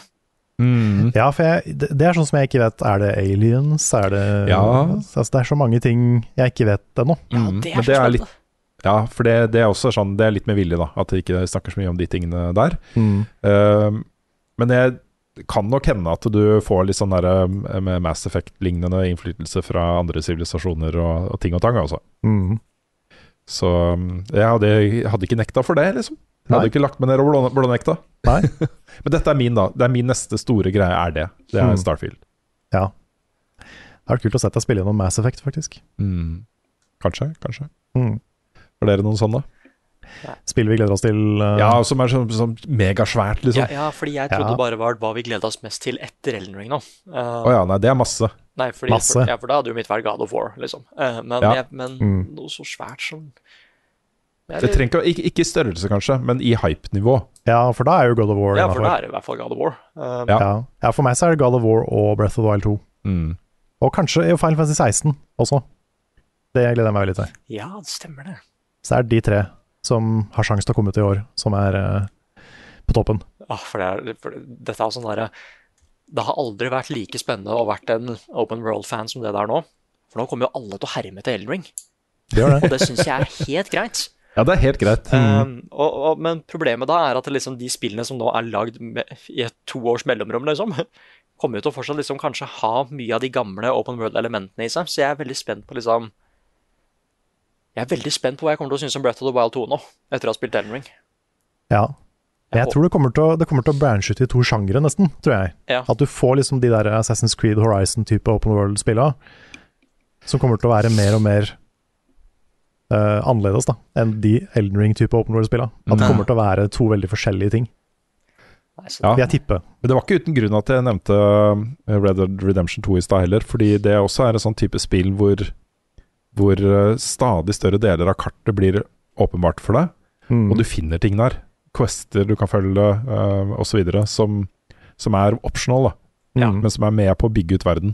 Og jeg vet det er mange som har kritisert uh, Red Dead Redemption 2 for slow pacing og uh, at det er mye uh, tomt, liksom. Mm. Men jeg elsker jo det spillet nettopp fordi det er mye tomt. For du føler at du er en del av en stor verden, liksom. Mm. Eh, og det var en ting jeg satte innmari pris på i, eh, i det spillet, og også i Elden Ring. Eh, at skalaen i seg selv blir på en måte en, en, en følelse av tilstedeværelse. Mm. Shadow of the Colossus. Ja, ja. Breath of, Wild, Breath of Wild også er jo kjempetomt. Mm. Ja. Det er bare byene det er folk, nesten. ja, og liksom fordi det føles ikke designa ut, på en måte. Det føles, det føles som et, et faktisk sted. Noen av dem er dritsvære. Mm. Mm. Nei, jeg digger Red Dead 2 på grunn av det. Yes. Yes. Skal vi gå videre til neste Vi kan ta neste spørsmål. Skal vi se. Det er fra Tor Arve Thorsen her. Han sier jeg er en allround gamer som for tiden jobber svært mye. Får ikke mulighet til til spilling, men når jeg først har tid, så går det i Elden Ring. Det er nå, men spiller generelt det meste. I starten av april skal jeg på jobbreise, da på båt utenfor Tyrkia. Jeg regner ikke med å få ha, å ha stabil internett tilgjengelig.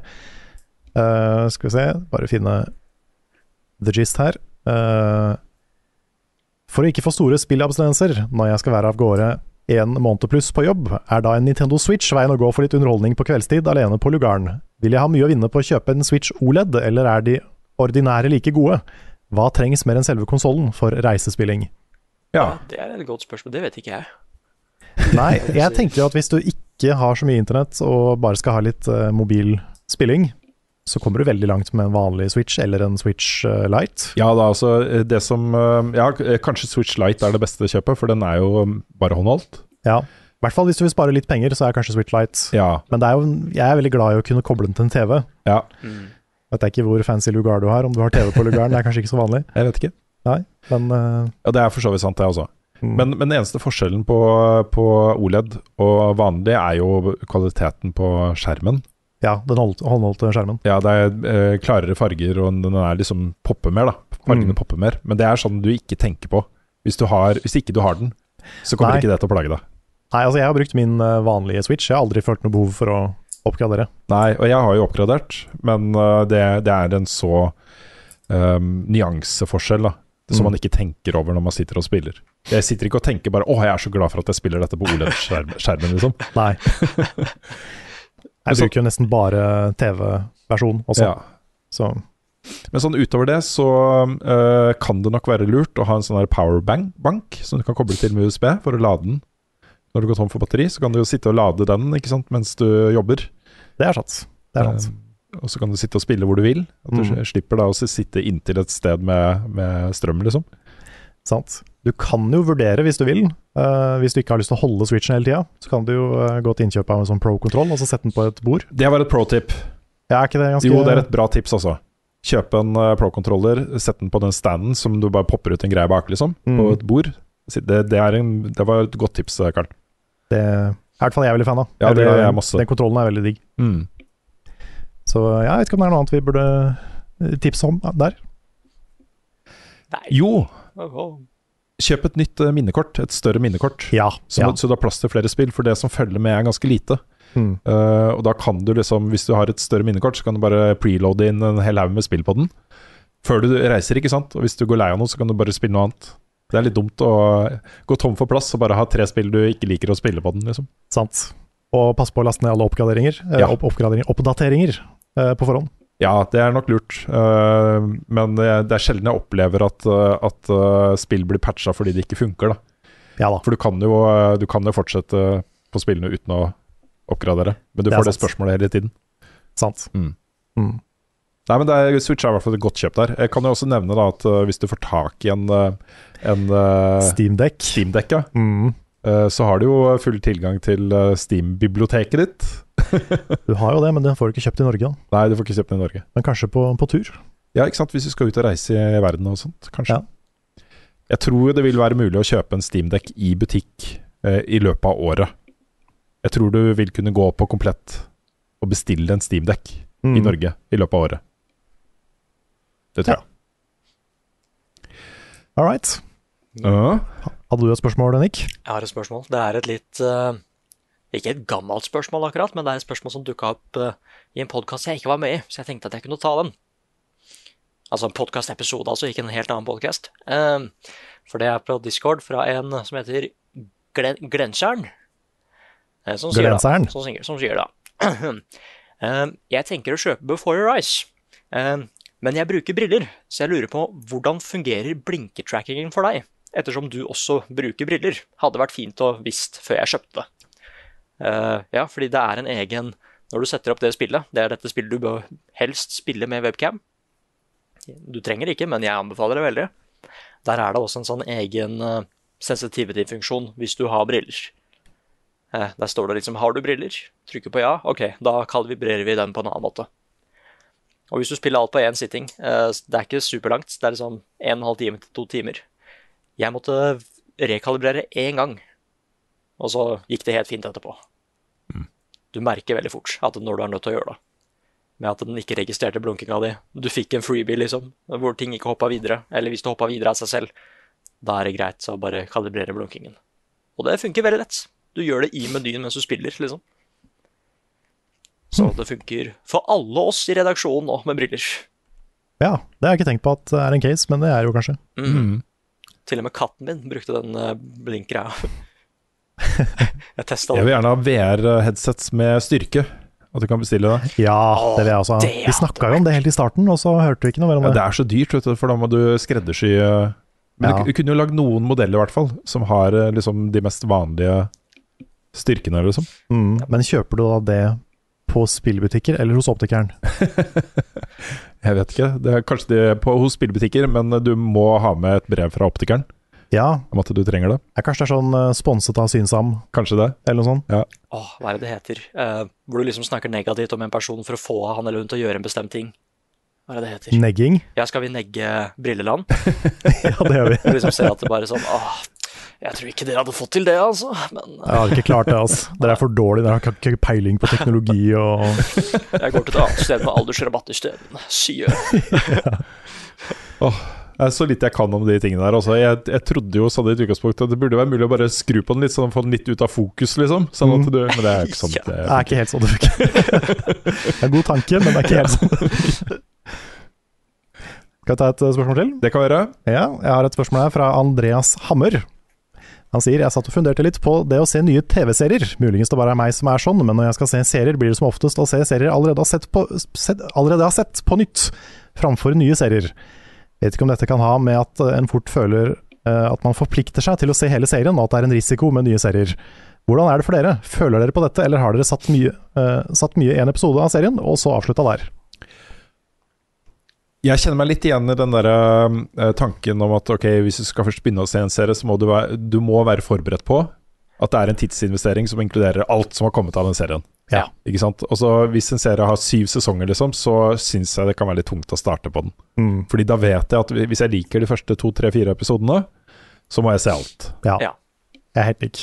Mm. Men, men, men du bør jo tenke at det liksom, hvis du liker det, er det ikke bra at det er mye av det? Jo da, jo, jeg, jeg gjør jo absolutt det, altså, men øh, det er sånn Jeg har egentlig ikke tid til å, å binge lange serier. Nei, det er det. Jeg også har fått litt den der angsten for å oppdage ting som tar for mye tid. Ja. Og den, den sliter jeg litt med. Og øh, jeg er veldig glad i sånn som HBO-serier, som er sånn ti episoder. Ja. Det er veldig behagelig. For da vet du at du kommer ikke til å sitte så mye. Mm. Og da kan du ta liksom en episode der, en episode der, og så er du ferdig på noen dager, liksom. Jeg husker da, også da Netflix og sånn kom, og HBO, så var det jo vanlig å bare legge ut alt. Og så begynte liksom noen av disse aktørene, sånn som HBO er jo nå glad i, og også eh, eh, Amazon Prime Mm. og Apple TV, eh, å legge ut én og én episode en i uka. Og I starten så var jeg sånn Hvorfor ikke bare legge ut alt? Legg ut alt, da. Jeg vil jo se to episoder nå, ikke én, liksom. Ja. Men nå har jeg blitt ganske glad i det. At det kommer bare en episode. Det jeg ofte gjør, da, det er jo at jeg venter til alle episodene er ute, og så binger. Men noen ja, av for seriene jeg er mest glad i binging, altså. Ja da, men noen av disse seriene, sånn som uh, Succession og sånt, så blir det et eh, høydepunkt i uka, liksom. Ja, for det er Mm. akkurat det. Mm. Gleder meg til å se på det. Mm. Så jeg vet ikke. Men jeg har en del sånne serier som jeg har begynt på, uh, og som jeg bare ikke har fullført fordi de er lange. Og en av de som jeg har stør mest dårlig samvittighet for, er øh, Justification med Timothy Oliphant. Som jeg har sett uh, nå de tre første episodene to ganger, Okay. og ikke kommet meg videre, liksom, fordi det er så mange andre episoder. Det er, Ja. Jeg tror det er tre sesonger eller noe sånt som er ute av den. Men den likte jeg jo kjempegodt. Um, og jeg er helt sikker på at jeg hadde likt resten også. Mm. Men øh, ja, Mm. bare ikke fått kommet meg gjennom ennå. Det er fordi jeg ser at vi er trent på helt forskjellige måter her, for jeg har jo sett på anime. Hvor det er liksom bare Ja. at eh, Ja. Jeg har lyst til å se på denne Bleach. Oi, 360 episoder! Eh, nei, Hver gang noen spør om hvorfor ikke jeg har sett Naruto, så er det det er svaret. ja. ikke sant. Jeg har sånn har sånn der brusanvisning på hvordan man skal se Naruto, blant annet. Bare hopp over filleren, så har du det bra, liksom. Eh, Mm. Nei, men jeg har bare den regelen. Anime-regelen er jo treepisodersregelen, liksom, på TV-serier og sånn. Mm. Hvis det er et eller annet som hooker meg, så pleier det å skje tidlig. Mm. Men, eh, men jeg kan jo si at eh, Jeg hadde jo ikke sett på Breaking Bad hvis jeg ikke hadde hørt at det ble helt amazing etter hvert. Fordi den første sesongen er litt treg. Ja, samme med Doctor Who. Tar litt tid før det, tar- før det tar seg opp. Mm. Og Succession. Og Succession. Mot i brøstet. Mot i brøstet. ja. Mot, ja, den er bra. Nei, jeg bare første. tuller, jeg Hotel Cæsar. eh, Hotel CC. Sånn Nei, men det er, mange, det er mange serier som kommer seg etter hvert. mm. Mm. Ja, det er et eller annet med TV-formatet nå som, eh, som er litt sånn befriende for, eh, for serieskapere. Det er, det er mye sånn eh, autorisme i, i TV-serier. Mm. Og det skjer gjerne når de finner liksom fotfeste på det konseptet de har, og har tillit og, og mange nok seere da, til å få den friheten, ikke sant. Så, så det er mye derfor Breaking Bad, og ikke minst også Better Call Saul. Nå er eh, eh, avsluttende sesongen, jeg tror det var 14. april. Oh, Ja, det å ja, for det er et primaeksempel på en serie jeg ikke har turt å begynne på. Ja, Fordi den er så lang. ja. ja, den er så verdt å se. Altså. den er- Ja, så jeg, verdt har å se. hørt det. Jeg har hørt det. At den, den må Ja, ses. fordi jeg Jeg bare elsker den kanskje bedre enn Breaking Bad. Åh, Det er noe med altså, det, som er Jeg liker nok Breaking Bad best, men jeg er veldig glad i, i, eh, i innhold som går til veldig veldig mørke steder. Da. Det treffer meg litt sånn spesielt. Mm. Um, og det å følge liksom den nedadgående spiralen til eh, Walter White der, det er så fascinerende, liksom. Jeg blir veldig, Mm. veldig fascinert av det. Yeah. Uh, og så er det jo litt det samme med Saul Goodman. Dette er jo, Men han har på en måte han, Det er jo ikke noe vondt i ham. han er egentlig god på bunnen, ikke sant? Mens eh, Walter White på en måte finner, eh, finner sin indre evil. ja. ja, han blir liksom en antagonist eh, ganske fort. Ja.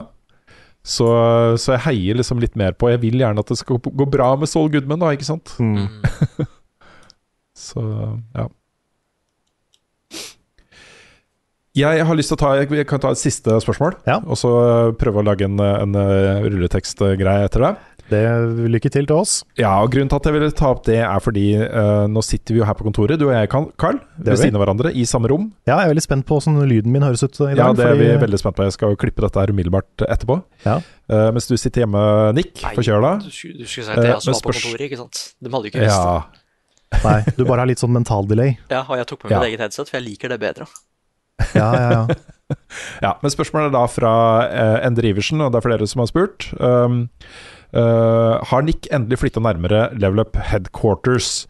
Uh, og tingen er at du sitter jo blant annet nå og jobber med uh, ny sesong av Duellen, kan vi jo tease litt. Det kan vi tease. Begynt å lage episoder. Ja, Mm. uh, Pluss et par anmeldelser som du er i arbeid med. Bestemmer. Uh, men du har nå du, Vi har vel kanskje nevnt det tidligere i episoden, men du, du har signert leiekontrakt for leilighet sammen med broren din her i Oslo. Det stemmer.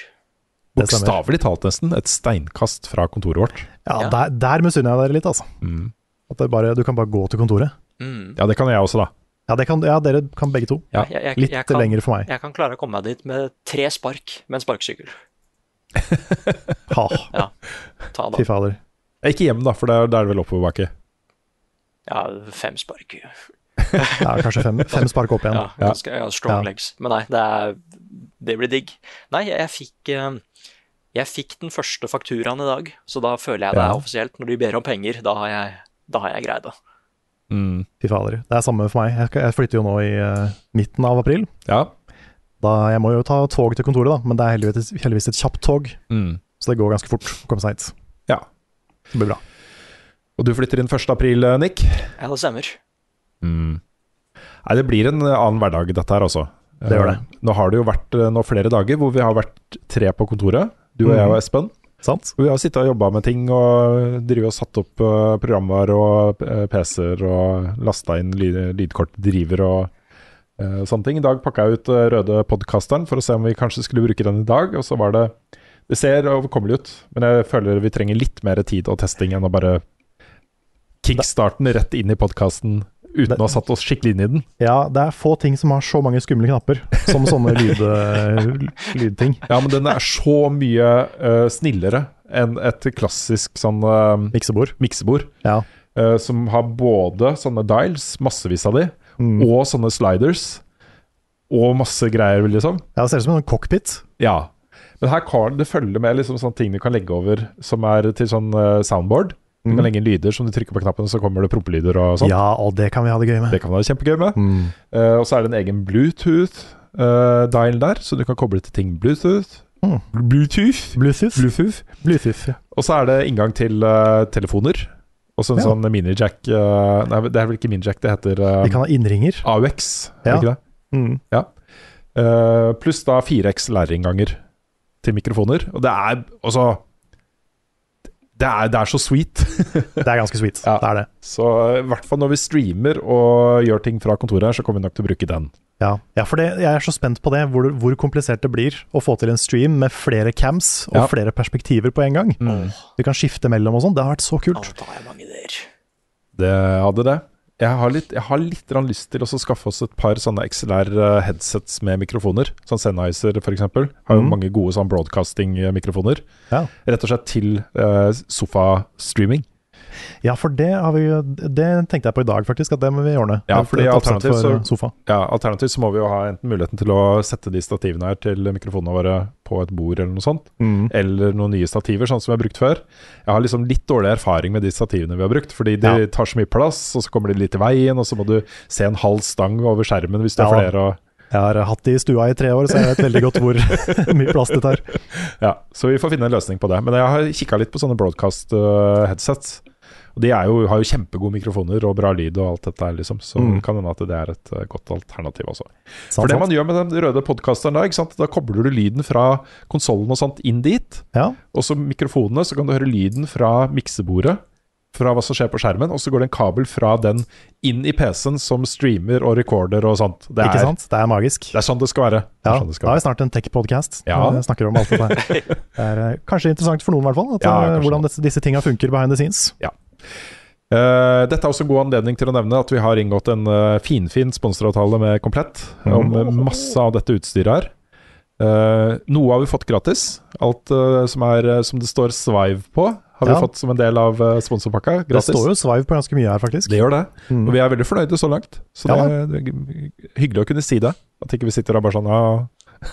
Vi sitter på en sånn 21.9-skjerm, og det er veldig uvant. Men det er så digg! Ja, jeg må venne meg til det, men det er interessant å Ja, ha liksom sånn, et sånt helt nytt format på skjermen. Mm, jeg er veldig happy med det i spill. Kjempegøy, fordi det, øh, hvis spillene er liksom kalibrert for det Eller heter det ikke kalibrert Hvis de, er, hvis de har den innstillingen, Ja. så får du bare mer informasjon. Du får liksom 20% mer informasjon på skjermen. Ja, I FPS og sånn er det juks. Nei, det er jo nesten. Nesten. For det er sånn Call of Duty og sånn. Ja, for i Destiny jeg spiller jo med 100 og maks field of view, liksom. 105 er det vel, tror jeg. Ja, for det, er- det, er for så vidt, det er for så vidt field of view, det er samme, da. Ja, det blir det samme, men jeg har jo Ja. det pluss Mm. 20% mer informasjon på skjermen kontra en 16.9, ikke sant? Ja, i hvert fall Ja. pay to win. Ja. Det er pay to win.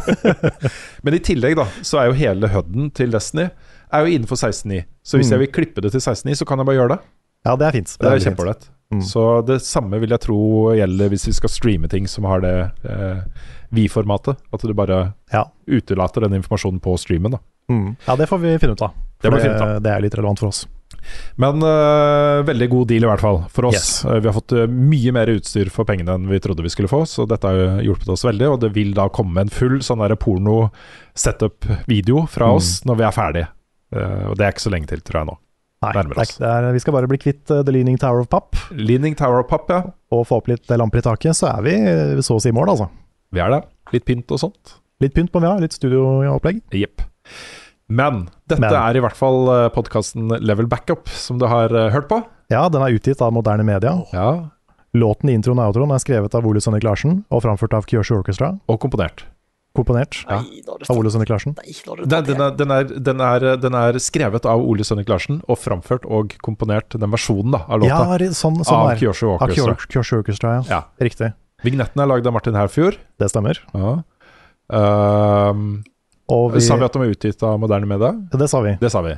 Ja, og så er vi, vi er på Patreon Det er vi. Eh, Patreon.com slash levelupnorge hvis du vil støtte oss, eh, støtte arbeidet vi gjør med spill. Åh, Da vet jeg at det er mange som sitter og river seg i håret fordi det kommer i feil rekkefølge, men det er greit, det må jeg akseptere nå. Ja, fordi vi, nå må vi bare huske alle tinga. Ja. Ja, Eh, Så vi er da på Patreon og setter veldig pris på alle som backer oss der. ja øh, det er fortsatt en viktig del av inntektsgrunnlaget vårt. Vi er en liten redaksjon med øh, begrensede muligheter, og det at vi har øh, inntekter på Patreon gjør at vi kan sitte her med dette kontoret og øh, satse så mye som vi gjør nå. Så det er amazing. Mm.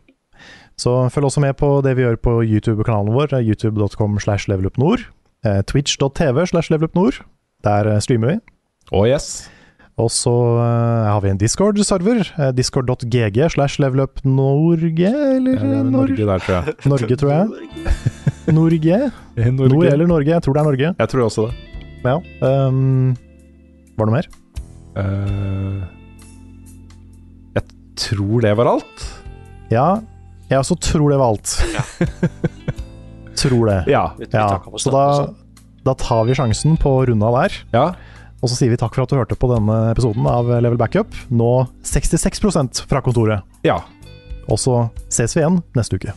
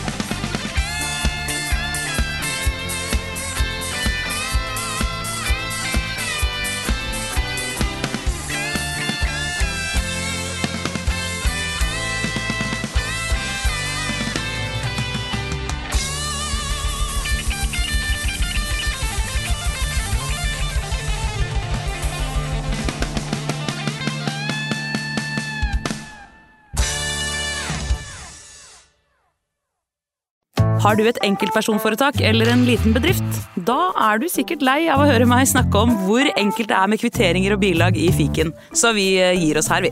Fordi vi liker enkelt. Fiken superenkelt regnskap.